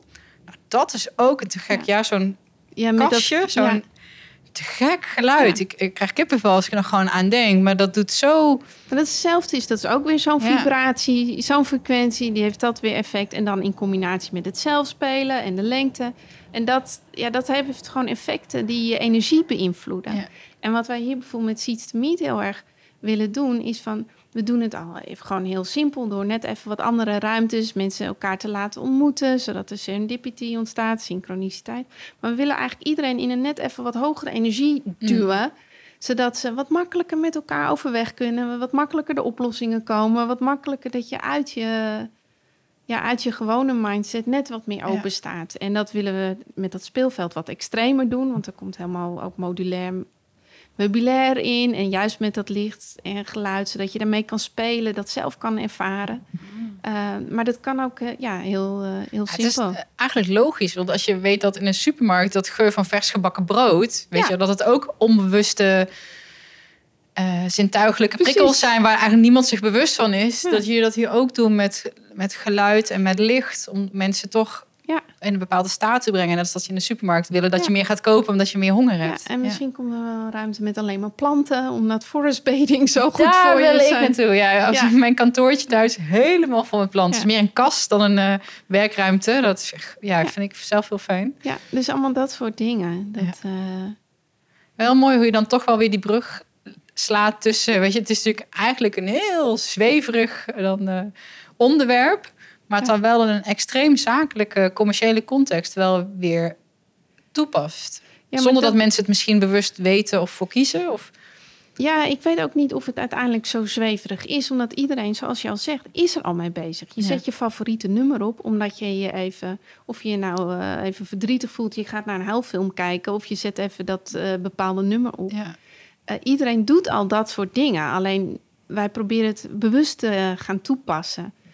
Uh, met verschillende onderzoek en dingen die erachter zitten. En er is zoveel wat we ons gewoon niet realiseren. eh, wat er wel is. Ook bijvoorbeeld de vorm van een ruimte of eh, bepaalde geometrische patronen, die hebben ook zoveel effect. En dat, dat realiseer je gewoon niet. En wat dat, is het grootste succes tot nu toe van die experimentjes die je hier hebt gedaan? nou, voor mij persoonlijk was wel gewoon om die soundshower aan die 25 mensen te geven. En te zien hoeveel interesse er was, wat voor vragen ze hadden, dat mensen oprecht gingen. Maar ook dat het waren allemaal hele verschillende mensen, bij iedereen effect had. Hmm. Hele verschillende effecten. Wat was bijvoorbeeld een, een effect wat je dan Iemand die kreeg een soort schokken ervan. Iemand anders kreeg mooie dromen ervan. Uh, en het mooiste was, ik heb ongeveer 25 minuten lang al die muziek. En het is niet echt makkelijke muziek om naar te luisteren. mensen moeten dan gaan zitten of gaan ja, liggen? Ja, ze gingen gewoon zitten. Het was in een gewone zaal. Dat was juist het gave. En ik had zeg maar onze meest hardcore versie. Dus dan hoor je eigenlijk alleen maar... Een beetje zo. dat, ik kan je... Maar ik zou wel een stukje willen horen. Ja, ja nee, zo'n compositie zeg maar een beetje die... En niemand pakte zijn telefoon. Iedereen bleef gewoon luisteren. Hoe dat dan? Bij elkaar een half uur. Met een half uur lang die... die... Dat soort, de, wel zeven verschillende frequenties. Oh, jeetje. En iedereen bleef gewoon... Het was op een festival, dus het was ook niet dat mensen nou heel erg in daar specifiek zo voor kwamen of wat dan ook. En dat maakt het wel heel gaaf. Dat was voor mij persoonlijk wel heel gaaf. Hmm. Dat is, uh, en als je kijkt hoe Tian en ik hier bezig zijn, is gewoon dat we dit nu kunnen doen. Dat we daar steeds weer verder stappen in kunnen, kunnen zetten. En steeds scherper onze boodschap. Wat willen we hier nou neerzetten? Wat willen we doen? Want we komen allebei niet uit de hospitality hoek. Maar juist wel, we willen wel dat verschil uh, maken. En dat mensen zich hier thuis voelen en welkom voelen. Ja. Dus dat, uh, en als je het dan hebt over van, kijk, ik doe natuurlijk het uitgeven. Ik ben dan in zo'n project uh, verzeild geraakt. Uh, doen dat hier, maar allemaal draaien ze uiteindelijk om van mensen eigenlijk een soort dat je naar een transformatie gaat. Mm. Dat je mensen, ehm, heel veel van de boeken die ik uitgeef, hebben uiteindelijk met transformatie uh, te maken. Of het, het, het, steunen of het stimuleren. Of het nou mijn kookboeken ging die we hebben uitgegeven. Of Master Your Mindset met uh, Michael Pilarczyk of Grow Rich. Ze hebben allemaal wel zo'n soort ja, boodschap van... Uh, je, je kan weer een soort stap verder voor jezelf uh, nemen. Waar, want ik, ik wilde inderdaad uh, daarover vragen. Want ik zag inderdaad dat jij de boeken van Michael Pilarczyk uitgeeft. Waarom denk je dat dat nu zo ontzettend aanslaat? Want goed, hij heeft natuurlijk zijn verleden, zijn persoonlijkheid, maar dan nog Ehm, hij heeft wel een enorme switch gemaakt. Nou, alles wat hij doet, doet hij gewoon. Dat is een tien. Hij, daar gaat hij voor. Ja. Hij werkt daar ook kei en kei hard voor. Ehm, mensen denken vaak, oh, het was uh, een bekende Nederlander, dus het komt hem aanwaaien. Hey, als hij iets wil, dan zet hij zich daar niet 100%, maar 200% mm. voor. Hij ja, walkt echt zijn talk. Ja. En dat is wat mensen niet realiseren. Als hij zegt, daar moet je hard voor werken, dan bedoelt hij ook hard voor werken. Ja, en dat doet hij zelf ook. En omdat hij dat echt zo doet, tegelijkertijd bouwt hij aan zijn mooiste leven. Dus al die plaatjes op Ibiza en dingen die voorbij zien komen, die zijn wel echt. Dat is wie hij is. Ja. Ehm, dus het is die combinatie. Plus, uh, nou, daarnaast heeft hij gewoon nou, zijn stem, alles mee. En doen ze het gewoon allemaal heel, heel slim met de Mastermind mm. Ehm, maar de, die basis daarachter, om het wel echt goed te doen. Dus bijvoorbeeld, een voorbeeld is eigenlijk met zijn boek. Uh, ook al met zijn eerste boek. Nou, is, is hij naar de Schrijversacademie geweest. Heeft hij echt goede redacteur erbij gezocht. Een team mensen omheen. Om echt te zorgen dat dat boek naar dat hoge niveau en werd Dans in de Hemel? Of, of alle, boeken. alle boeken? Okay. Eigenlijk alle boeken. Maar met Dans in de Hemel is dat uh, begonnen. Ja. En, uh, en als je kijkt naar Master Your Mindset, ja, daar wordt ook steeds verder naar gekeken. Daarom is die tweede versie er ook gekomen. Want het kon toch nog weer even iets beter, iets scherper. En mensen zijn er nu ook klaar voor. Mensen realiseren zich, wacht even, uh, ik kan wel de schuld aan alle omstandigheden geven, maar misschien moet ik toch iets zelf veranderen. Ja. En als ik iets bij mezelf verander, kan ik verder komen. Daar is nu ook wel echt de tijd uh, voor. Ja, nee, dat, dat herken ik uh, ook absoluut. Ja. Um, ja, en het lijkt soms alsof het aankomt gewaaid. En ik ken veel ja, coaches of mensen die met boekideeën lopen. En dan zie je zoiets. En ik kan me heel goed voorstellen dat je dan denkt van... ja, dat wil ik ook of dat doe ik wel even. En... Maar daar zit dus de fout eigenlijk in. Het is niet, je doet het maar even. Ook hij niet. Je moet echt serieus gaan schrijven en herschrijven en nog een keer herschrijven en er goed over nadenken. En mensen super kritisch naar laten kijken. En mensen die gespecialiseerd in hun vak hun kritiek ook serieus nemen. En zelf een beslissing nemen wat je ermee doet. En dan weer verder. En zo wordt, dat, wordt het beter. Is dat ook de grootste valkuil in jouw ogen? Mensen die, die het onderschatten, wat het, wat het met zich meebrengt? Nou, niet zozeer wat onderschatten. Uh, maar mensen denken, nemen eerder uh, snel genoegen met een bepaald niveau. Dit is wel goed genoeg. Oh en dat kost ze vaak al heel veel moeite. Dus in dat opzicht, ze onderschatten dat niet. Um, maar ik heb bijvoorbeeld een heel groot rijksboek gemaakt met Marcel Wanders over de schilderijen in de Eregalerij. Is een boek van 6.500 euro geworden met een tafel en ding. Jezus. Boek weegt, weegt 6.500 euro voor een boek? Ja, weegt 35 kilo. Als je het ziet, snap je het. Oké. Met doos, alles. Zit, ben ik er vier, vijf jaar aan gewerkt. Echt ook als hoofdredacteur, projectleider. En Marcel Wanders is een internationale eh, designer die heel veel doet. En, maar die wil overal Kijk, de meeste mensen nemen genoegen, zeker met een boek, ook zelfs de meest kritische, met dat een boek zeg maar een 8 is op een schaal van uh, eh, 1 tot 10. Yeah. Dan zit je al hoger dan wat er gemiddeld zeg maar in de winkel uh, ligt. En, uh, maar met Marcel streef je echt naar die 9,5. Of echt, het moet echt, echt goed zijn. Mm. Maar om daar te komen van die 8 naar die 9 al, dat is een enorme stap. Dat kost bijna evenveel tijd om van 0 naar 8 te oh, komen. Oh, absoluut, ja. En, en dat is wat mensen onder, onderschatten. En vaak genoegen daarom nemen met een 7 of een 8. als je dan kijkt bijvoorbeeld naar Michael, die neemt niet genoegen met een 7. En, en daar zit het verschil. En ik ben op zich altijd heel pragmatisch ook. Soms is een 7 ook echt goed genoeg voor wat je wil bereiken. Dus daarom is het zo belangrijk, als je dan naar het begin terugdenkt... wat wil je nou bereiken met je boek? Ja. Ehm, want kunnen mensen nog echt bestsellers schrijven? Dat, want de, boekenmarkt is natuurlijk heel erg veranderd in dat opzicht. Vroeger had je gewoon de grote Nederlandse schrijvers, die Jan ja. Terlouw. Weet ze even niet allemaal ja. hoofd, maar... Ja, hadden jullie ja, dat ook zo. Ja, en dat, die, dat waren gewoon gevestigde namen. Die, die schreven... Je kan nog steeds bestsellers schrijven, alleen de verkoopaantallen zijn anders. Hm. Hetzelfde als met televisieprogramma's. Vroeger keken we met z'n allen naar de honeymoon quiz. En dan, ik weet niet hoeveel mensen, 2 miljoen of 3 miljoen. Nou, dat soort aantallen worden nu bijna niet meer gehaald. Betekent dat ook dat, dat het sowieso dat je daar misschien niet op in moet steken? Als je zegt van nou, ik wil iets schrijven en iedereen moet het lezen. Het ligt eraan, een bestseller is per definitie niet dat iedereen het, uh, dat heel veel mensen het lezen. Okay. Uh, een bestseller koppel ik aan, je wil vooral zoveel mogelijk geld verdienen met je boek. Uh, terwijl, of zoveel mogelijk eer of bekendheid mm. halen. Maar als je wil dat zoveel mogelijk je boek lezen, um, soms is het dat je insteekt op bijvoorbeeld bibliotheken. Of uh, er zijn sommige boeken worden heel veel uitgeleend. Ja, dan heb je al een veel groter bereik. En heel veel bestsellers blijven ongeopend in de kast staan. Ja, er zijn er wel veel van verkocht, maar nou, nu kwam ik zelfs, ik weet niet meer waar ik het hoorde. Nou, dat het wordt ook echt gedaan, dat geloof ik ook wel. Um, Corey Allen vertelde dat in het proces van zijn boek uh, uitgeven. Dat uh, schrijvers van een eerste voorschot, als ze dan, want dat is ook nog iets wat ik je wilde vragen, van zelf uitgeven versus uitgeverij. Waar zit dan nog de meerwaardeverschil in? Ja. Krijg je voorschot en van dat voorschot kan je, stel dat het 50.000 euro is, kan je een partij inhuren die al jouw boeken koopt.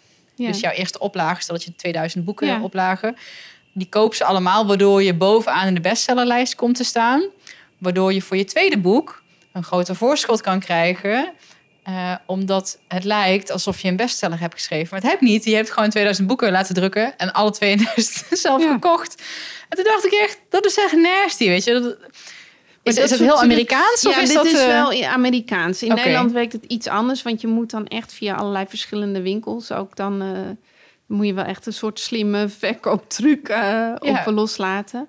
En in Amerika kan dat op de een of andere manier wat makkelijker gemanipuleerd worden. Een dat partij hoor, die dat dan gaat bestellen. Weet je, 100 hier, 50 daar. En die dat allemaal voor jou gaat doen. Dan dacht ik echt, maar daar is het ook nog belangrijker dat je kan zeggen, was New York Times bestseller of zo. Ja, ja, ja. Als dat op de, als je je tweede boek, als je zegt, hè, dan, want dan ben je New York Times bestselling author, ja. Ja, maar wat het ook is in Amerika, toevallig weet ik dat van een andere auteur, die had van zijn eerste boek 15.000 exemplaren verkocht. Hier in Nederland Geweldig. ja, er werd daar geen tweede boek van uitgegeven, want dat was te weinig. Echt waar, ja, is natuurlijk, de schaal is natuurlijk hef- Ja. vele malen anders. Dus daar zit ook heel groot verschil, eh, verschil in. De Amerikaanse markt is echt heel anders. Want wat, wat maakt eigenlijk het verschil tussen een goed versus een succesvol boek? Eh, ik zou zeggen, een goed boek is voor mij iets dat als je het leest, dat het gewoon klopt, het fijn leest, of je nou met de inhoud eens bent, maar dat je dat goed tot je kan nemen, dat je doelgroep het goed tot je kan nemen. Dus als jij een heel hoog opgeleid boek, eh, publiek hebt, dan mag het best heel ingewikkeld eh, geschreven hebben, maar zij moet het prettig kunnen lezen, goed de inhoud op zich kunnen nemen. Of als je het over een fictieboek hebt, moet een verhaal zijn wat je goed meeneemt, het moet fijn taalgebruik hebben. Het moet, het moet, moet kloppen. Ja, een succesvol boek is gewoon heel simpel. Hij heeft er gewoon of reed te veel van verkocht. Of, en dat, dat is meer hoe ik succes ben gaan definiëren. Het doet wel precies wat je wil. Dus je kan, ik zie altijd een boek, kan je vier soorten applaus bij krijgen. En dat is eerst, nou, ik heb een boek gemaakt. Alsjeblieft, oh, mooi boek, je ziet het. Hm. Tweede is het applaus als iemand het gaat doorbladeren en zegt, oh, het ziet er echt goed uit. En die zijn het makkelijkste. En dat kan je ook redelijk. Maar het derde is dat iemand het gelezen heeft en denkt... Nou, dat is gaaf, dat was goed. En dat applaus komt soms maanden later. Dat, eh, maar waar ik altijd naar op zoek ben, is eigenlijk het vierde applaus. Is dat iemand ook daadwerkelijk iets met dat boek gaat doen. Dus als je het dan hebt over eh, een boek over 12 Waves Protocol bijvoorbeeld... je wil dat mensen er echt mee aan de slag gaan. En dat is nog weer een stap verder. En dan zou ik in zo'n geval veel meer kiezen van... nou, ik heb veel liever dat, ik noem wat, 500 mensen echt beïnvloed... dat ze ermee aan de slag gaan, hun leven beter wordt...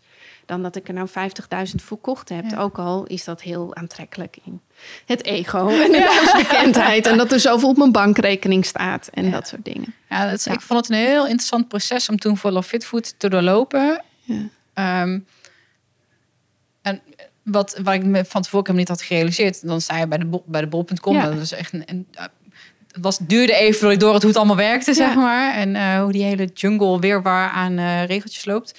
Maar dan in één keer ben je auteur. Ja, Want je staat op bol.com. En dan word je in één keer heel anders gepercipieerd. En denk ik, ja, ik kan, ik, sommige boeken denk ik, ja, volgens mij heb je dit alleen maar inderdaad gedaan zodat je bij de bol.com ligt en zodat je kan zeggen, hé, hey, ik ben schrijver, maar is het boek, kom je niet veel verder dan applaus 1 of applaus 2, Ja. zeg maar.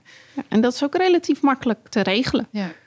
Dat kan je heel snel en heel makkelijk doen. En soms is dat dan ook goed genoeg voor waarvoor je het uit wil brengen. Wat zijn eigenlijk een beetje oplagers in Nederland die nog... Want ik weet natuurlijk wat, wat, wat voor oplagen wij met Love Fit Food hadden gehad, maar we hebben puur echt ons eigen niche, ons eigen markt. eh, Het zit een beetje tussen de, als je het echt over oplaagt, tussen de 750 en 5000 in waar Oh, je mensen wel. mee beginnen. Ja. Ja. Ja. Ehm, maar wat je vaak ziet is dat als ze iets uitbrengen, sommigen echt maar met 500 of 750. Veel boeken en ook de mensen met wie ik werk, die zijn vaak allemaal extreem eigenwijs en ambitieus. En dan neem je toch snel de beslissing om op zijn minst 1500 te maken. En soms wel gelijk 2,5 of 3.500. Omdat als je echt een oplage doet en je kijkt naar de drukwerkprijzen. De prijs per boek keldert zo enorm naar beneden. Tussen bijvoorbeeld, er zit een enorm verschil tussen 1000 en 1500. Ja, daar weet ik alles van. Ja, dus dan- dacht je, oh, we kunnen er 1500, maar eigenlijk voor een paar tientjes, Ja. van spreken, meer hebben we er 2000. Nou ja, dan doen we er maar 2000. Ja, precies. Ja. en dat is heel vaak, zeker met mensen die ik begeleid, de beslissing die ze nemen. Omdat ze A, vaak een groot netwerk hebben, maar ook of eh, heel eh, overtuiging, hard werken, eigenwijs. Nou, dat raak ik wel kwijt. Of desnoods ga ik het weggeven of in mijn eigen trainingen wegdoen. Het komt altijd wel van pas. En daar leeft niet zo de angst van, oh, ik moet een kasteel van boeken in mijn huis gaan bouwen als ik het niet kwijtraak. Ik heb nog wel een stapeltje onverkochte Ja, boeken liggen. veel mensen, maar ze, je raakt ze vaak dan wel weer eh, kwijt. Het duurt misschien dan wel drie of vier jaar. Ja. Eh, dat zou wel kunnen. En waarom? Want ik zie heel veel mensen in eigen beheer uitgeven. Ik denk dat we daar met 12 Waves ook naartoe Ja. neigen. Is het zo dat uitgevers ook kritischer zijn geworden omdat veel mensen boekideeën hebben? Of is het gewoon dat we allemaal gewoon nou, het is juist zijn? eigenlijk dat de auteurs kritischer ook zijn geworden. Oh. A, het is, blijft lastig om eh, een uitgever te vinden, maar bij sommigen gaat dat eigenlijk heel makkelijk. Dat wisselt een beetje in welke hoek je zit, welke connecties je hebt, eh, wat je wil schrijven. Ehm, maar je ziet steeds meer mensen kiezen dat ook al kunnen ze uitgegeven worden om het toch niet te doen. Omdat eh, als je kijkt wat een uitgever qua marketinginspanningen doet voor je boek, met name als jouw boek niet het belangrijkste boek is zeg maar, van die uitgeverij, denken heel veel mensen, vooral als ze een eigen bedrijf hebben, ja, maar dan kan ik heel veel sneller en makkelijker doen. Of zij hebben zelf vanuit hun eigen ervaring met hun eigen bedrijf. Ik noem maar wat 30 marketingideeën. Die nemen ze mee dan naar de uitgeverij. En die uitgeverij denkt alleen maar, oh, nee. Of zijn er niet zo happig. Of, of reageren vooral vanuit angst. Ja, dat hoort niet zo. Dat Mm. wist niet. En wat ik bijvoorbeeld heel vaak terugkrijg. Als mensen met mij praten. Hé, hey, je bent de eerste die niet overal op zegt... nee, dat kan niet, dat mag niet, dat hoort niet. Dat... Ik zeg, ja, het gaat uiteindelijk eh, niet om wat hoort of niet. Kijk, er zijn in het boekenvak heel veel regels, ongeschreven regels. Daar moet je mee spelen. Maar dat betekent niet dat je het niet kan doen. Het is alleen als je dan ervoor kiest om ze te overtreden... dan moet je ook rekening houden welk effect dat heeft. En soms is het juist heel goed om dat te doen. Wat is één zo'n, wat is een beetje een leuke ongeschreven regel die je recentelijk nog... eh, Ehm, ik zit even na te denken van wat. Nou ja, wat bijvoorbeeld binnen. ehm, je moet. Wat, wat je gewoon vaak eh, ziet, is dat je gewoon niet te veel eh, geld bijvoorbeeld in je marketing moet stoppen. Maar wat misschien meer een ongeschreven regel is, is ehm, veel. ehm, je hebt het, zeg maar, het officiële boekenkanaal is, is om je boek op een bepaalde manier aan te bieden via de boekhandel, via vertegenwoordigers en dan naar de boekhandel. En dan hopen dat zij het inkomen of doen. Maar er zitten bepaalde kosten aan vast en eigenlijk geen garant- garantie dat het wordt ingekocht. Helemaal als je het zelf een uitgeverijtje hebt opgezet of dat je niet van tevoren kan zeggen ik kom minimaal in deze bladen bij deze, dan Mm. kan het best zijn. Het voordeel wel van dat te doen is dat je een structuur ook naar de boekhandel bekend hebt gemaakt. Dat als je boek toch nog in de media komt, dat ze eerder geneigd zijn om het te herkennen en dan wel in te kopen. Eh, maar je kan ook zeggen, weet je wat, ik hou geen rekening met die seizoen in de boekhandel. Ik breng het gewoon nu uit, ook al hoort het helemaal niet of eh, kan het niet. En dan moet je je realiseren van, nou ja, de, stel dat het een succes wordt, dat de boekhandel dan denkt, hé, maar waar moet ik het inkopen? Of dat daar dat wat, wat weerstand op, ehm, op zit. Maar als je dat van tevoren weet, kan je daar ook weer mee eh, omgaan. Ehm, hetzelfde is dat je eigenlijk een boek moet helemaal zonder fouten, taalfouten, de winkel inkomen. Want anders wordt het niet serieus genomen worden. Nou, we hebben ooit een keer een boek uitgegeven. Dat was wel grappig. Er was geen die het uit wilde geven, wilde geen redactie, geen correctie erop. Vond hij onzin, niet meer van deze tijd. Echt waar? Ja. En, ehm, maar toen kwamen we erachter dat er één spelfout op wel 400 pagina's stond. Omdat dat in zo'n woordje zo aan de zijkant van zo'n rubriek is. Ja. Maar toen hebben we er een boekenlegger in gestopt. Met een eh, quest, zeg maar een prijsvraag. Meld alle prijsfouten die je vindt in het boek en dan kan je dit en dat winnen. het grappige is, niemand heeft die ene spelfout ontdekt. We Nee. hebben wel een aantal reacties eens. gehad en het boek is echt best wel goed verkocht. Maar die heeft niemand ontdekt. En dan zie je hoe blind we ook weer met z'n allen Ja. zijn. En hoe moeilijk je soms over dingen doet. Oh. Ja, in een vorige, la- latere versies hebben we uiteindelijk wel gewoon corrector en zo eh, gedaan. Maar bij die eerste versie. eh Oh, toen niet. hilarisch eigenlijk. Dan verwacht je echt overstelpt te worden met mensen die die, die ene obvious fout 400 keer Ja, gezien want daarom hebben. hadden we dat toen eigenlijk gedaan. Want toen was het zo van, ja, we kunnen dat katern wel opnieuw laten drukken. Maar nee. En het was niet dat er veel fouten in die tekst, die hele tekst stonden. Nee, want we hadden 101 proeflezers hadden gedaan. Maar waar we niet voor hadden gekozen, was om er nog een corrector doorheen te laten gaan. Dat raad ik eigenlijk altijd aan. Maar in dit geval, ik weet ook niet meer zo goed waarom niet. Maar het was echt zoiets van, nou, dat doen we niet.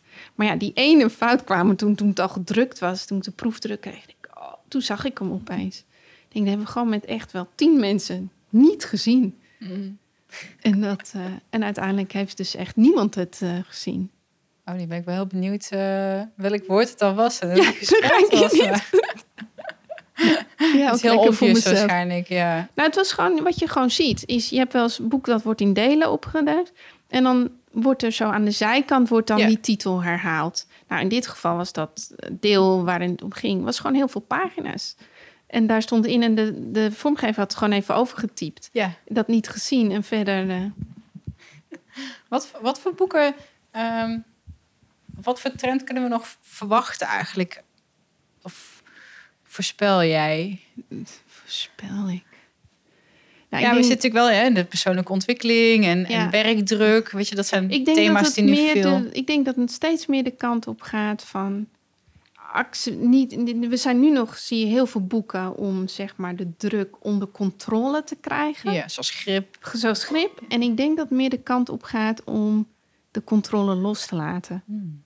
En eh, net zoals bijvoorbeeld het laatste boek van Peter Ros uitgekomen, bijvoorbeeld Chaos. eh, of Wanorde heet het, sorry. Eh, ja, heet Wanorde. Peter. Ros, dat is bij Business Contact.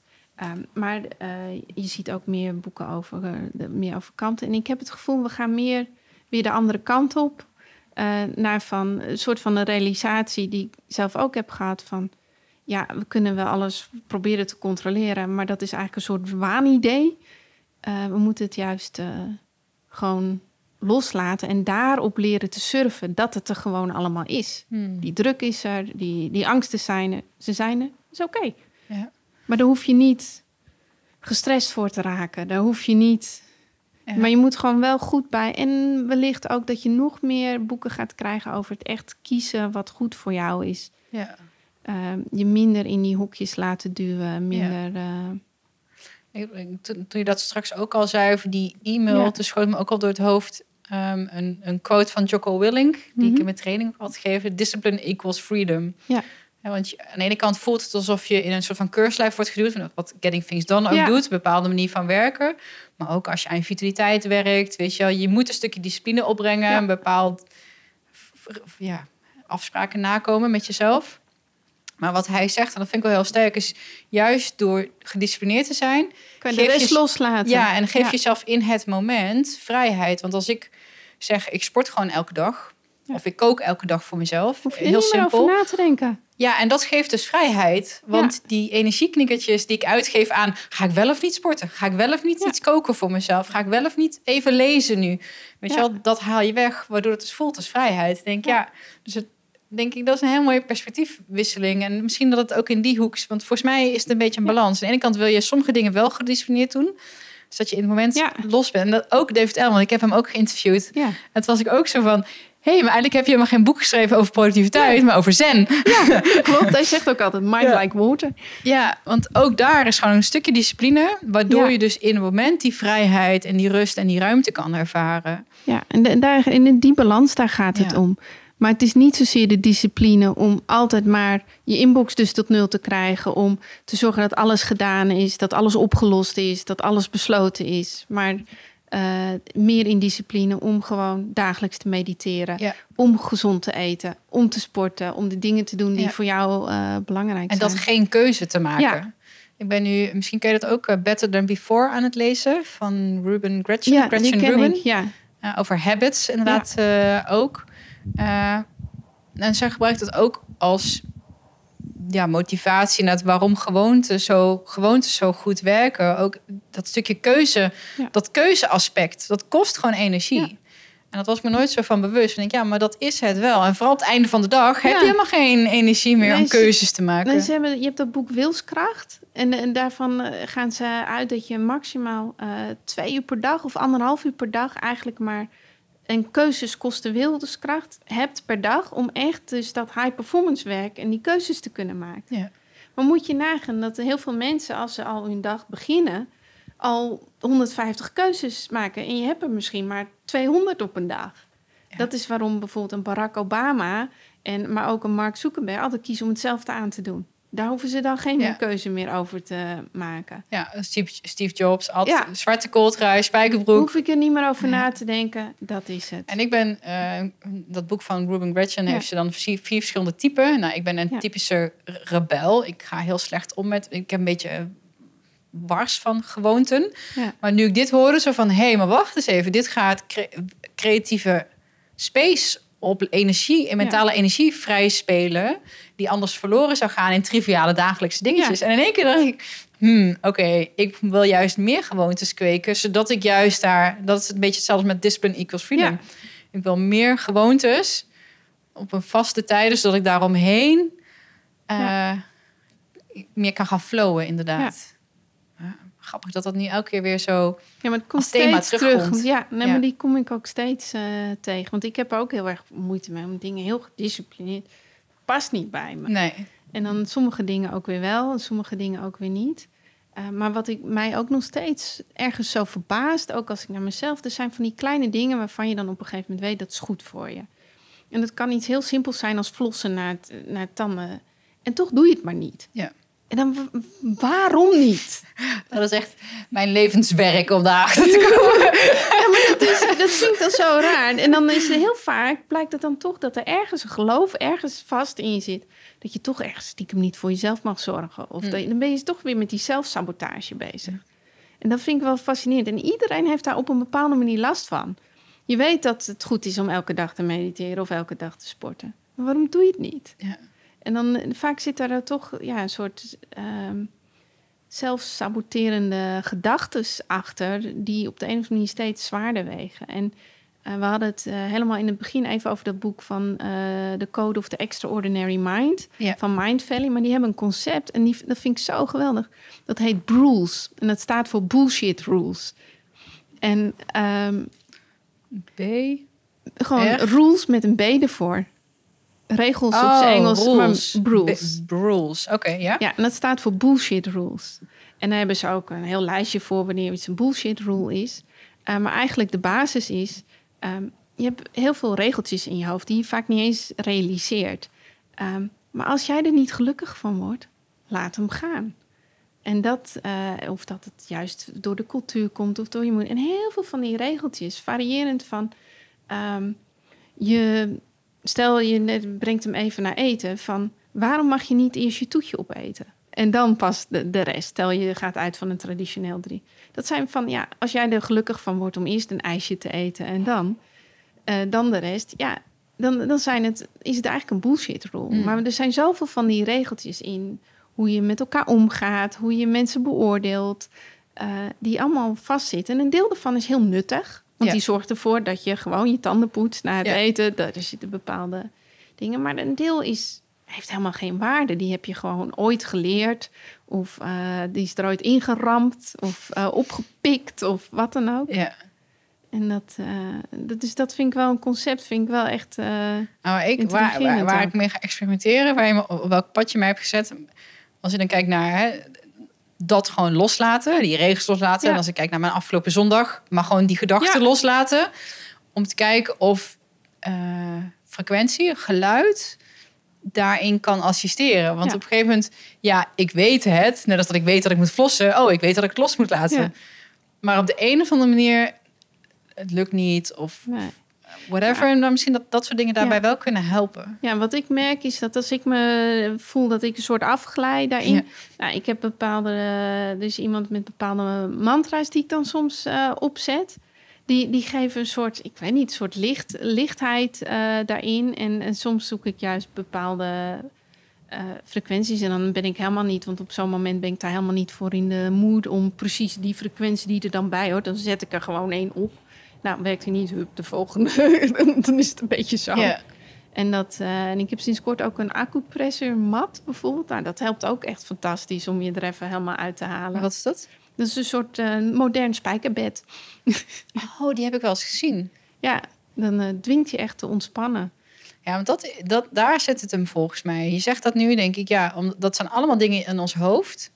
En daar zitten we vast. En wat geluid doet en zo'n mat doet, maar waarom ook wandelen werkt. Ja. Of wat heel, voor heel veel mensen eten werkt. Ja, dit helpt je, haalt je even je, uit. Ja, ja, het geeft even een andere context, een ja. andere activiteit. Ik heb ook wel eens gehoord, als je niet lekker in vel zit, om even naar een andere kamer te ja. lopen. Want het feit dat je onder een uh, deurpost doorloopt, uh, is een onbewust signaal in je hoofd. Oh, we gaan nu iets anders doen. Ja, en dan kom je even uit je, uit je stemming. Ja, maar dat is iets wat ik voor mijn eigen productiviteit gebruik. Dan, dan ga ik in een andere ruimte zitten.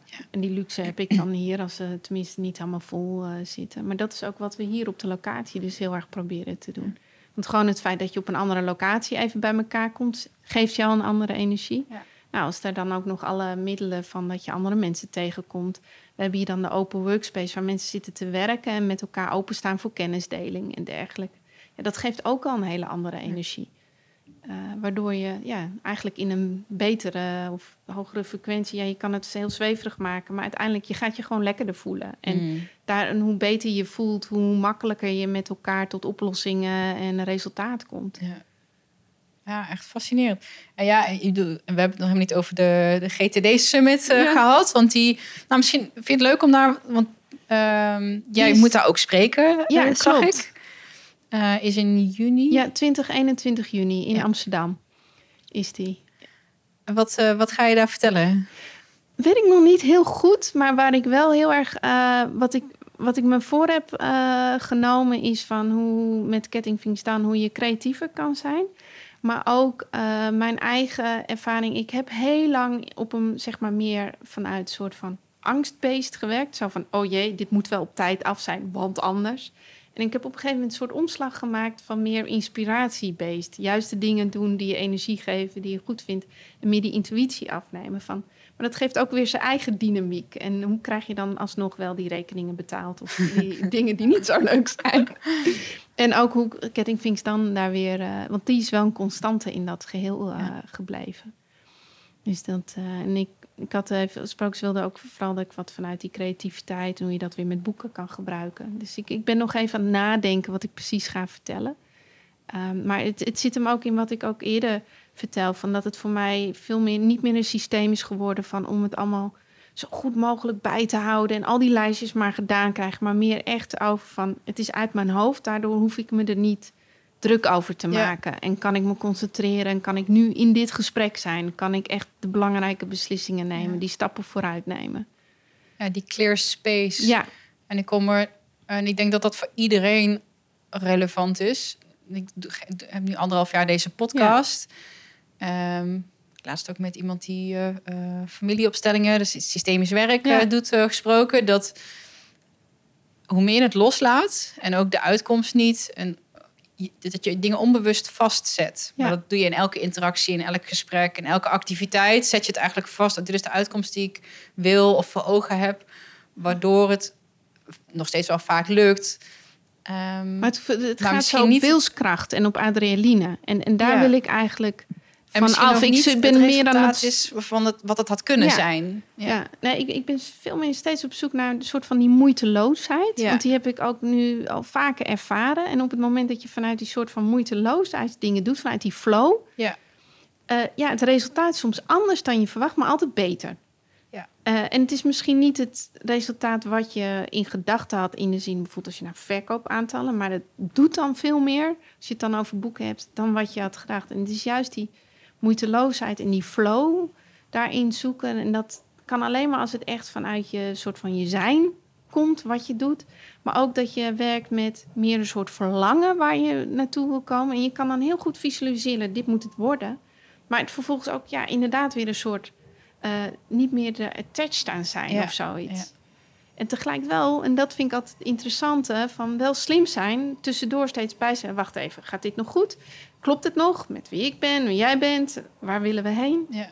Nou, ik hoor soms ook wel mensen, ja, doelen stellen, dat doe ik niet aan. En ook in mijn roadmap, dat, dat voelt te rigide vast. Ik wil in het moment in flow en intuïtie keuze kunnen maken. Maar voor mij versterken die twee juist elkaar. Doordat ik weet waar ik heen ga en dat regelmatig je moet evalueer. Wel weten waar je heen gaat. Ja, kan ik, dat is weer dat discipline ja. Doordat ik dat systeempje heb, kan ik in het moment juist alles loslaten. Maar dat, dat voelt heel tegenstrijdig. Nou, maar het is ook wat ik een hele mooie vond, is van een paar jaar geleden had ik die gehoord. Um, als ik jou zeg van ik heb als doel om de maan te bereiken. Nou, dan denk je, nou, die is misschien een beetje kurewiet. Maar ja, het kan wel. Er zijn meer mensen op de maan geweest. Maar als ik je nou zeg, ja, maar ik wil, ik wil naar Mars. Of nee, ik wil uh, naar de andere kant van de zon. Dan denk je helemaal, nou ja. Maar de kans dat ik verder dan die maan kom, mm. is daar wel vele malen mee groter. En het is dat verlangen van, nou, ik, ik zet, maar dat komt, we hebben hier geleerd, je moet een doel altijd 100% halen. Dus als ik niet mijn doel, dus stel mijn doel is uh, naar Mars komen, maar ik ben wel ergens tussen de maan en Mars bereikt, dan heb ik eigenlijk volgens de huidige maatstaven gefaald. Terwijl ik ben veel verder dan bijvoorbeeld jij hebt als doel om naar de maan te komen, dan als jij. Terwijl jij wordt bijvoorbeeld dan geapplaudiseerd, want je bent wel tot de maan gekomen. Ik ben misschien wel tien keer zo ver gekomen. Maar dat is dan een vorm van falen. En ik denk dat we juist door anders naar dat falen te gaan kijken, dat het, het is geen falen. Het zijn leerscholen. Het zijn, oh, ik moet even doen. En continu terug te gaan naar wie ben je? Klopt het nog? Wat wil je? En dat is hetzelfde eigenlijk wat ik op een bepaalde manier met boeken doe, maar ik doe dat heel erg in mijn werk en ook zeker ook met mijn compagnon Tianne. Elke keer hebben we weer een soort van gesprekjes. Oké, klopt het nog voor mij? Klopt het nog voor jou? Klopt het voor ons samen? Klopt het voor het bedrijf? En dan weer opnieuw die stip aan de horizon. En heel vaak zit je er al super dichtbij. Maar dat. Uh, en, en, en op die manier zoeken. Maar we hebben een soort raar gevoel over van wat is falen, als het niet Mm. precies dat doel. En ik denk dat daarom mensen bang zijn om bepaalde doelen te zetten. Eh, dat als ze, ah, het wordt heel echt. Van, oh shit, nu moet ik echt aan de bak. Eh, maar Moet ook, ik een ruimteschip gaan bouwen? ja, bijvoorbeeld, hoe dan? Maar ook een soort van, ja, maar als ik het dan dus niet heb gehaald, heb ik gefaald. Ja. Terwijl eh, het is veel interessanter van, oké, stel je wil, naar de, je wil naar Mars toe. Nou, ah, stel je hebt er helemaal niks aan gedaan. Dan is dat dan falen. Ja, nou ja, je hebt je doel niet gaan. Maar wat heb je er dan van geleerd Of om te onderzoeken waarom niet? Nou ja, misschien is wel je faalangst bizar groot. Dan moet je daar eerst wat mee. Ja, ja, ja. Eh, ja ik, falen moet er gewoon schrappen. Net- voor Ja. mij is het gewoon weer een datapuntje. Oh ja, nu weet ik dit. ja, het is, eh, en ook omgaan met teleurstellingen en Ja. dingen. Maar het is ook een soort van, het is niet dat je iets niet gehaald hebt of iets niet gelukt is, is niet gelijk baf baf, je bent niks meer waard of zo. Dan vind ik wel heel erg benieuwd wat jouw grootste niet-faalmoment was.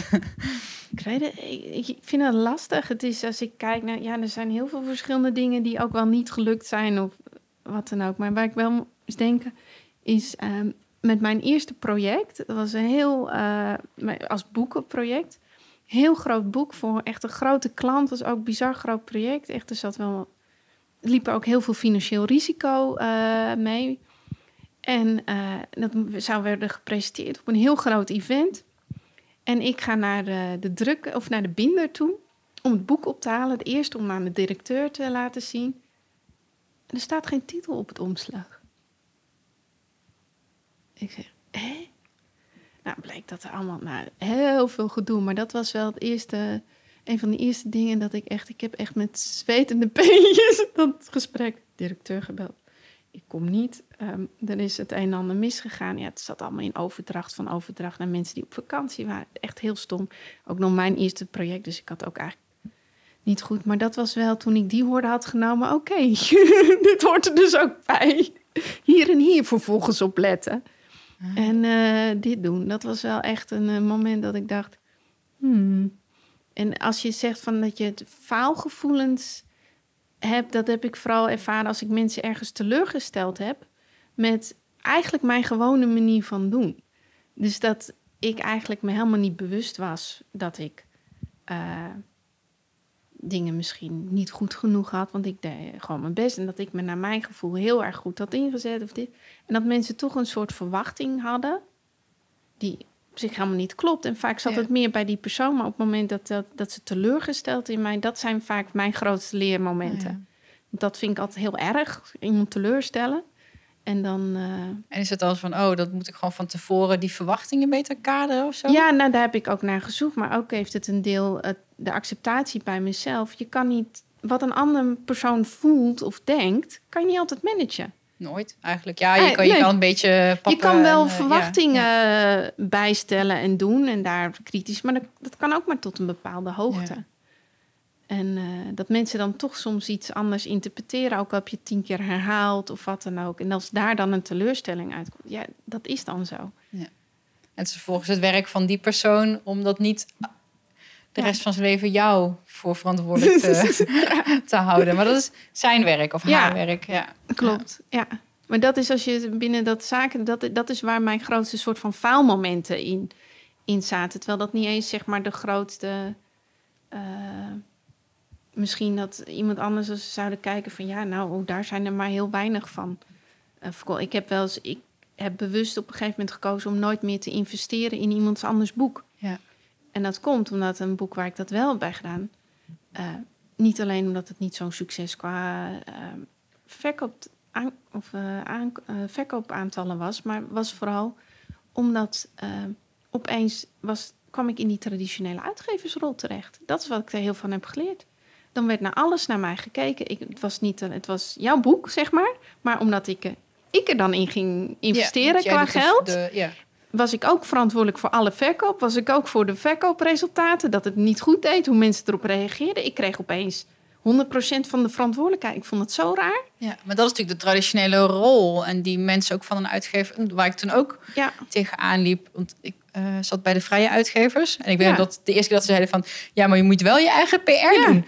Was ik echt zo van bijna verbrouwereerd. Ja, hoezo moet ik dat zelf doen? Jij bent toch dan ja, maar de, de uitgever? Maar uitgevers, dat zijn ze niet. Ja, maar... het zijn ook, meer, uh, zijn ook geen echte uitgevers. Ze zijn meer de clusteruitgevers. Ze faciliteren heel veel. Ze doen dat op zich een stukje van wat ik ook Maar ook een andere uitgever. Ik hoorde dan ook... Um, Mitchell van Palio.nl. Die, ook, die wilde bij een uitgever. En die zei ook van ja... Ik heb uh, Mitchell ook gehoord. Oh, oké. en die had ook zoiets van, ja, dag, ik doe het... Maar dan ook lekker eigenwijs. Ja. Nou, weet je wat? Als je dan toch geen PR voor me doen... Doe ik het zelf wel. Doe ik het zelf wel. Maar dan ga ik hem ook in eigen beheer. Ja. Want ik weet wat de drukkosten per boek zijn. En, en ja, heeft een uitgever, ja. 60% draag je zomaar af. Ja, maar Mitchell is daar een heel goed voorbeeld. Die is gewoon een hele goede ondernemer. Ja. Dus die kan alles verkopen. Ik bedoel, hij is een integere ondernemer, dus hij verbindt zich alleen met wat hij, waar hij echt in gelooft. Ja. Maar hij is gewoon super slim qua online marketing. Dus die kan alles verkopen. Die kan het veel beter dan een gewone uitgever. Ja. Die doet dat dus op zijn eigen manier. En doet dat heel goed. Ja. ja, ja. En voor een ander, uh, iemand die inderdaad niet een, een, bereik en een following heeft. En een, want Misha heeft echt hè, zijn, Ja. zijn, zijn fans, zijn segment Precies. opgebouwd. Ja, als jij dat niet hebt, dan is een uitgeverij wel Ja, en ook vooral als jij vooral wil schrijven op je zolderkamertje en met de rest niet mee bezig wil houden, dan moet je doen. Maar op het moment, ik heb ook een soort testje op mijn eh boekcoach website staan. Ik, dat is, ik heb een soort gratis cursus daarvoor. En daar komt eigenlijk vooral ook naar uit. Moet je het zelf uitgeven of toch een uitgever Ja. zoeken? En een van de belangrijkste dingen, hoe eigenwijs ben je? dat is een van de belangrijkste dingen. Eh, kijk, want uiteindelijk draait het om geld en tijd om je boek uit te geven en er succes van te maken. Als je helemaal geen geld hebt, is het helemaal niet een probleem. Want je kan altijd nog crowdfunding acties starten. Je kan een community, maar dan heb je echt tijd nodig. Ja. Niet alleen in tijd, uren om eraan te werken, maar soms ook doorlooptijd. Dan moet je gewoon een pad uitstippelen. Maar als je, en als je geen tijd hebt, maar wel heel veel geld, ja, dan kan je gewoon iedereen inhuren en zorgen dat je project, dat is ook Ja. waar de uitgeverij eh, traditioneel vandaan komt. Gewoon allemaal hele gekke, crazy projecten waarin ik zeg maar een soort zak geld offereerde. Nou, geef maar, ik maak het wel, alsjeblieft, in Ja. je stapel boeken. En, en dat is eh, die combinatie. Maar dan moet je wel, je moet één van tweeën minimaal hebben. Ja. Volgens mij, ik had laatst Paul Smit eh, weer gesproken. En die zei ook, je hebt, je hebt die- de communicators en de creators. Ja. En ging- ik had het met hem over het, het verkopen van lezingen en masterclass. Hij zei, ja, hij zegt, ik ben echt een creator. Ik ben inhoudelijk, ik kom het praatje geven, maar ik ben niet de communicator. Nee. Ik ben niet degene die, ehm, die het verkoopt of die erover gaat praten. Weet je, laat mij maar gewoon. En dat is ook een beetje, denk ik, met een schrijver. Dat zijn gewoon creatieve mensen. Die willen lekker een boek maken. En dat zijn niet per definitie de ondernemers of de communicators die, die dat aan de man kunnen brengen. Nee, maar wat je wel ziet in deze tijd, en dat is ook met iedereen met wie ik spreek en de projecten die ik doe, als jij je verhaal niet kan verkopen, kan niemand dat.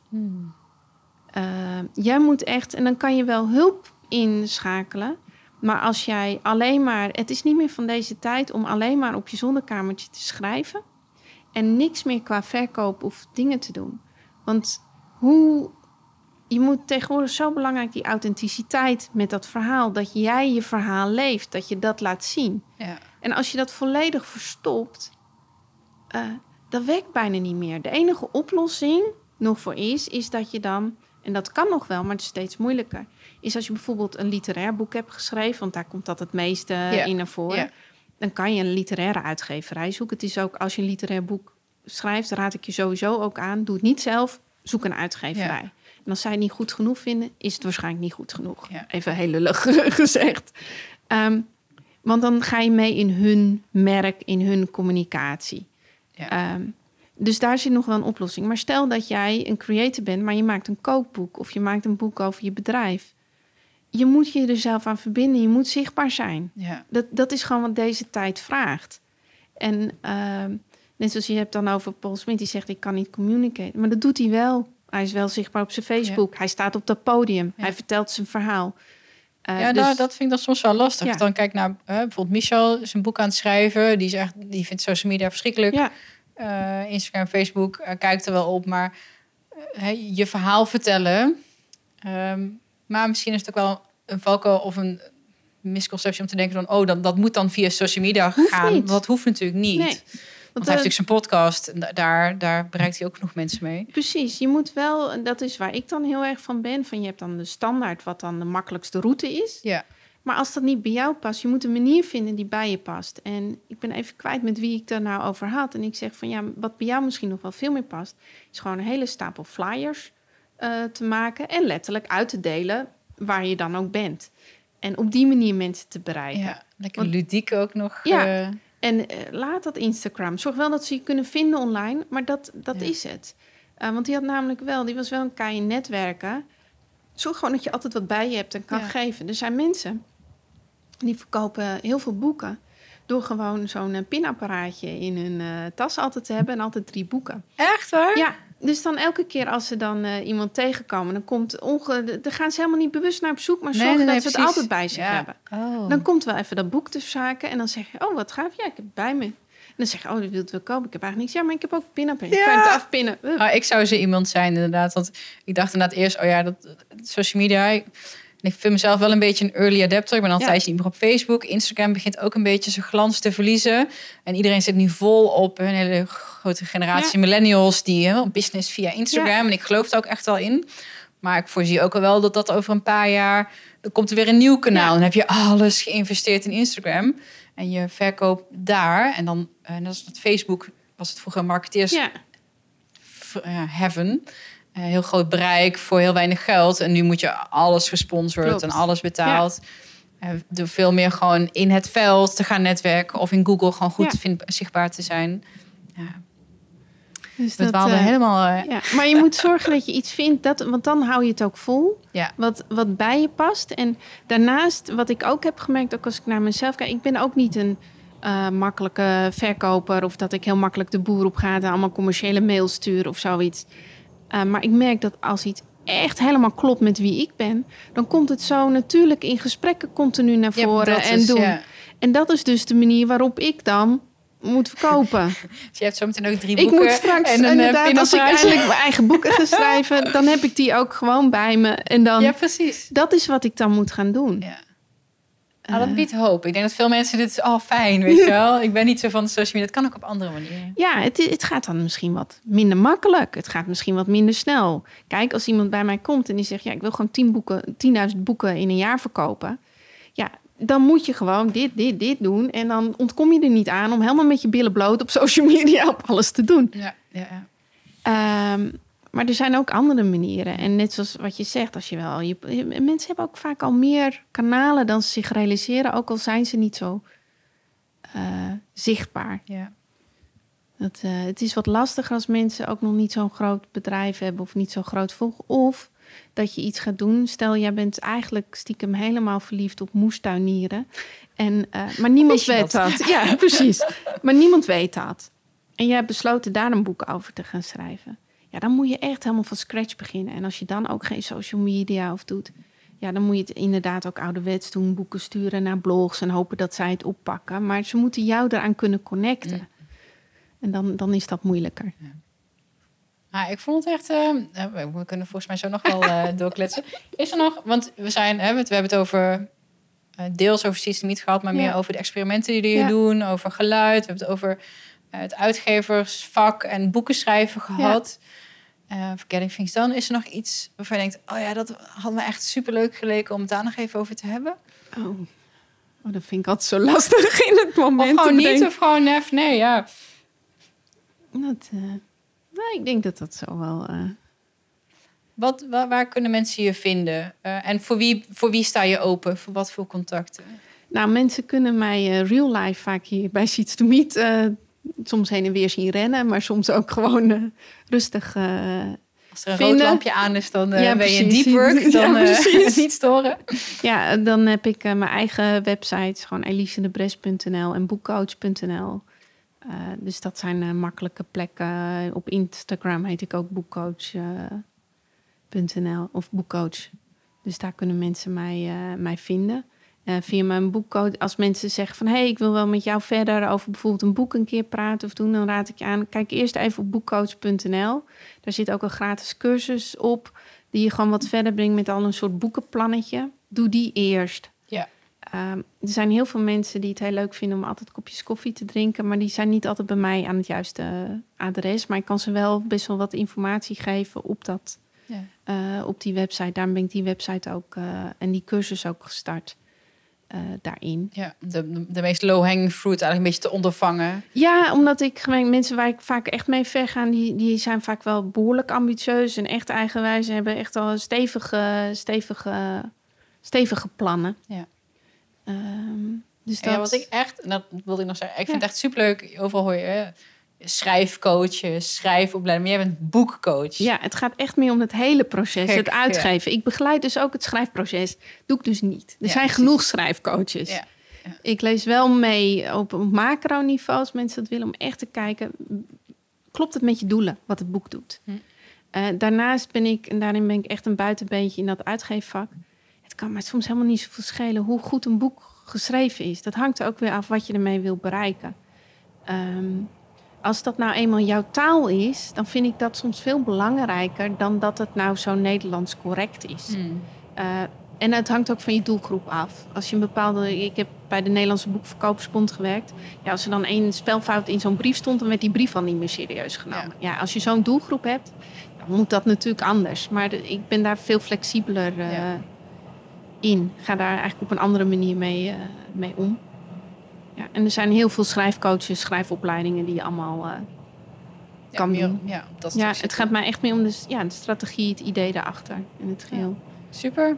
Mooi. Ik ben heel benieuwd uh, waar je over vijf jaar allemaal mee bezig gaat. Het is zo divers. nou, Dankjewel in ieder geval. Alsjeblieft. Um, en ik denk dat ik je op de summit uh, weer ga zien. Ja, leuk. Daar ben je ook. Ja, ik was van plan te komen. Ja, ja. super. Jij wordt volgens mij hartstikke gaaf. Yes, je hebt het helemaal tot het einde gered. Bedankt voor je tijd en voor je aandacht. Uh, zoals beloofd, de link voor de gratis masterclass, waarmee jij dus de brug kan slaan tussen waar je nu staat en waar je graag naartoe wil. En ja, waar jij naartoe wil, dat weet ik natuurlijk niet. Of dat nou meer rust, of meer balans, of meer focus, of meer rijkdom, of meer succes, of meer vrijheid is. Uh, ik ga je in die masterclass laten zien hoe je daarmee aan de slag kan. En dat doe je door naar www.12-waves.nl te gaan en dan slash transformatie. Uh, dat is dus de link voor de gratis masterclass. Dat kost normaal 59 euro, maar speciaal voor luisteraars van deze podcast is die gratis beschikbaar. Tot slot, ik hoor heel graag jouw grootste takeaway inzicht uit deze aflevering. Uh, laat een comment voor me achter op Instagram of op uh, de app waarin je nu luistert. Of deel hem in je Instagram stories, zodat ik hem kan reposten of een shout-out naar je kan doen. En dan zijn we nu echt aan het einde. Geniet van je dag en ik hoop je volgende week weer te zien.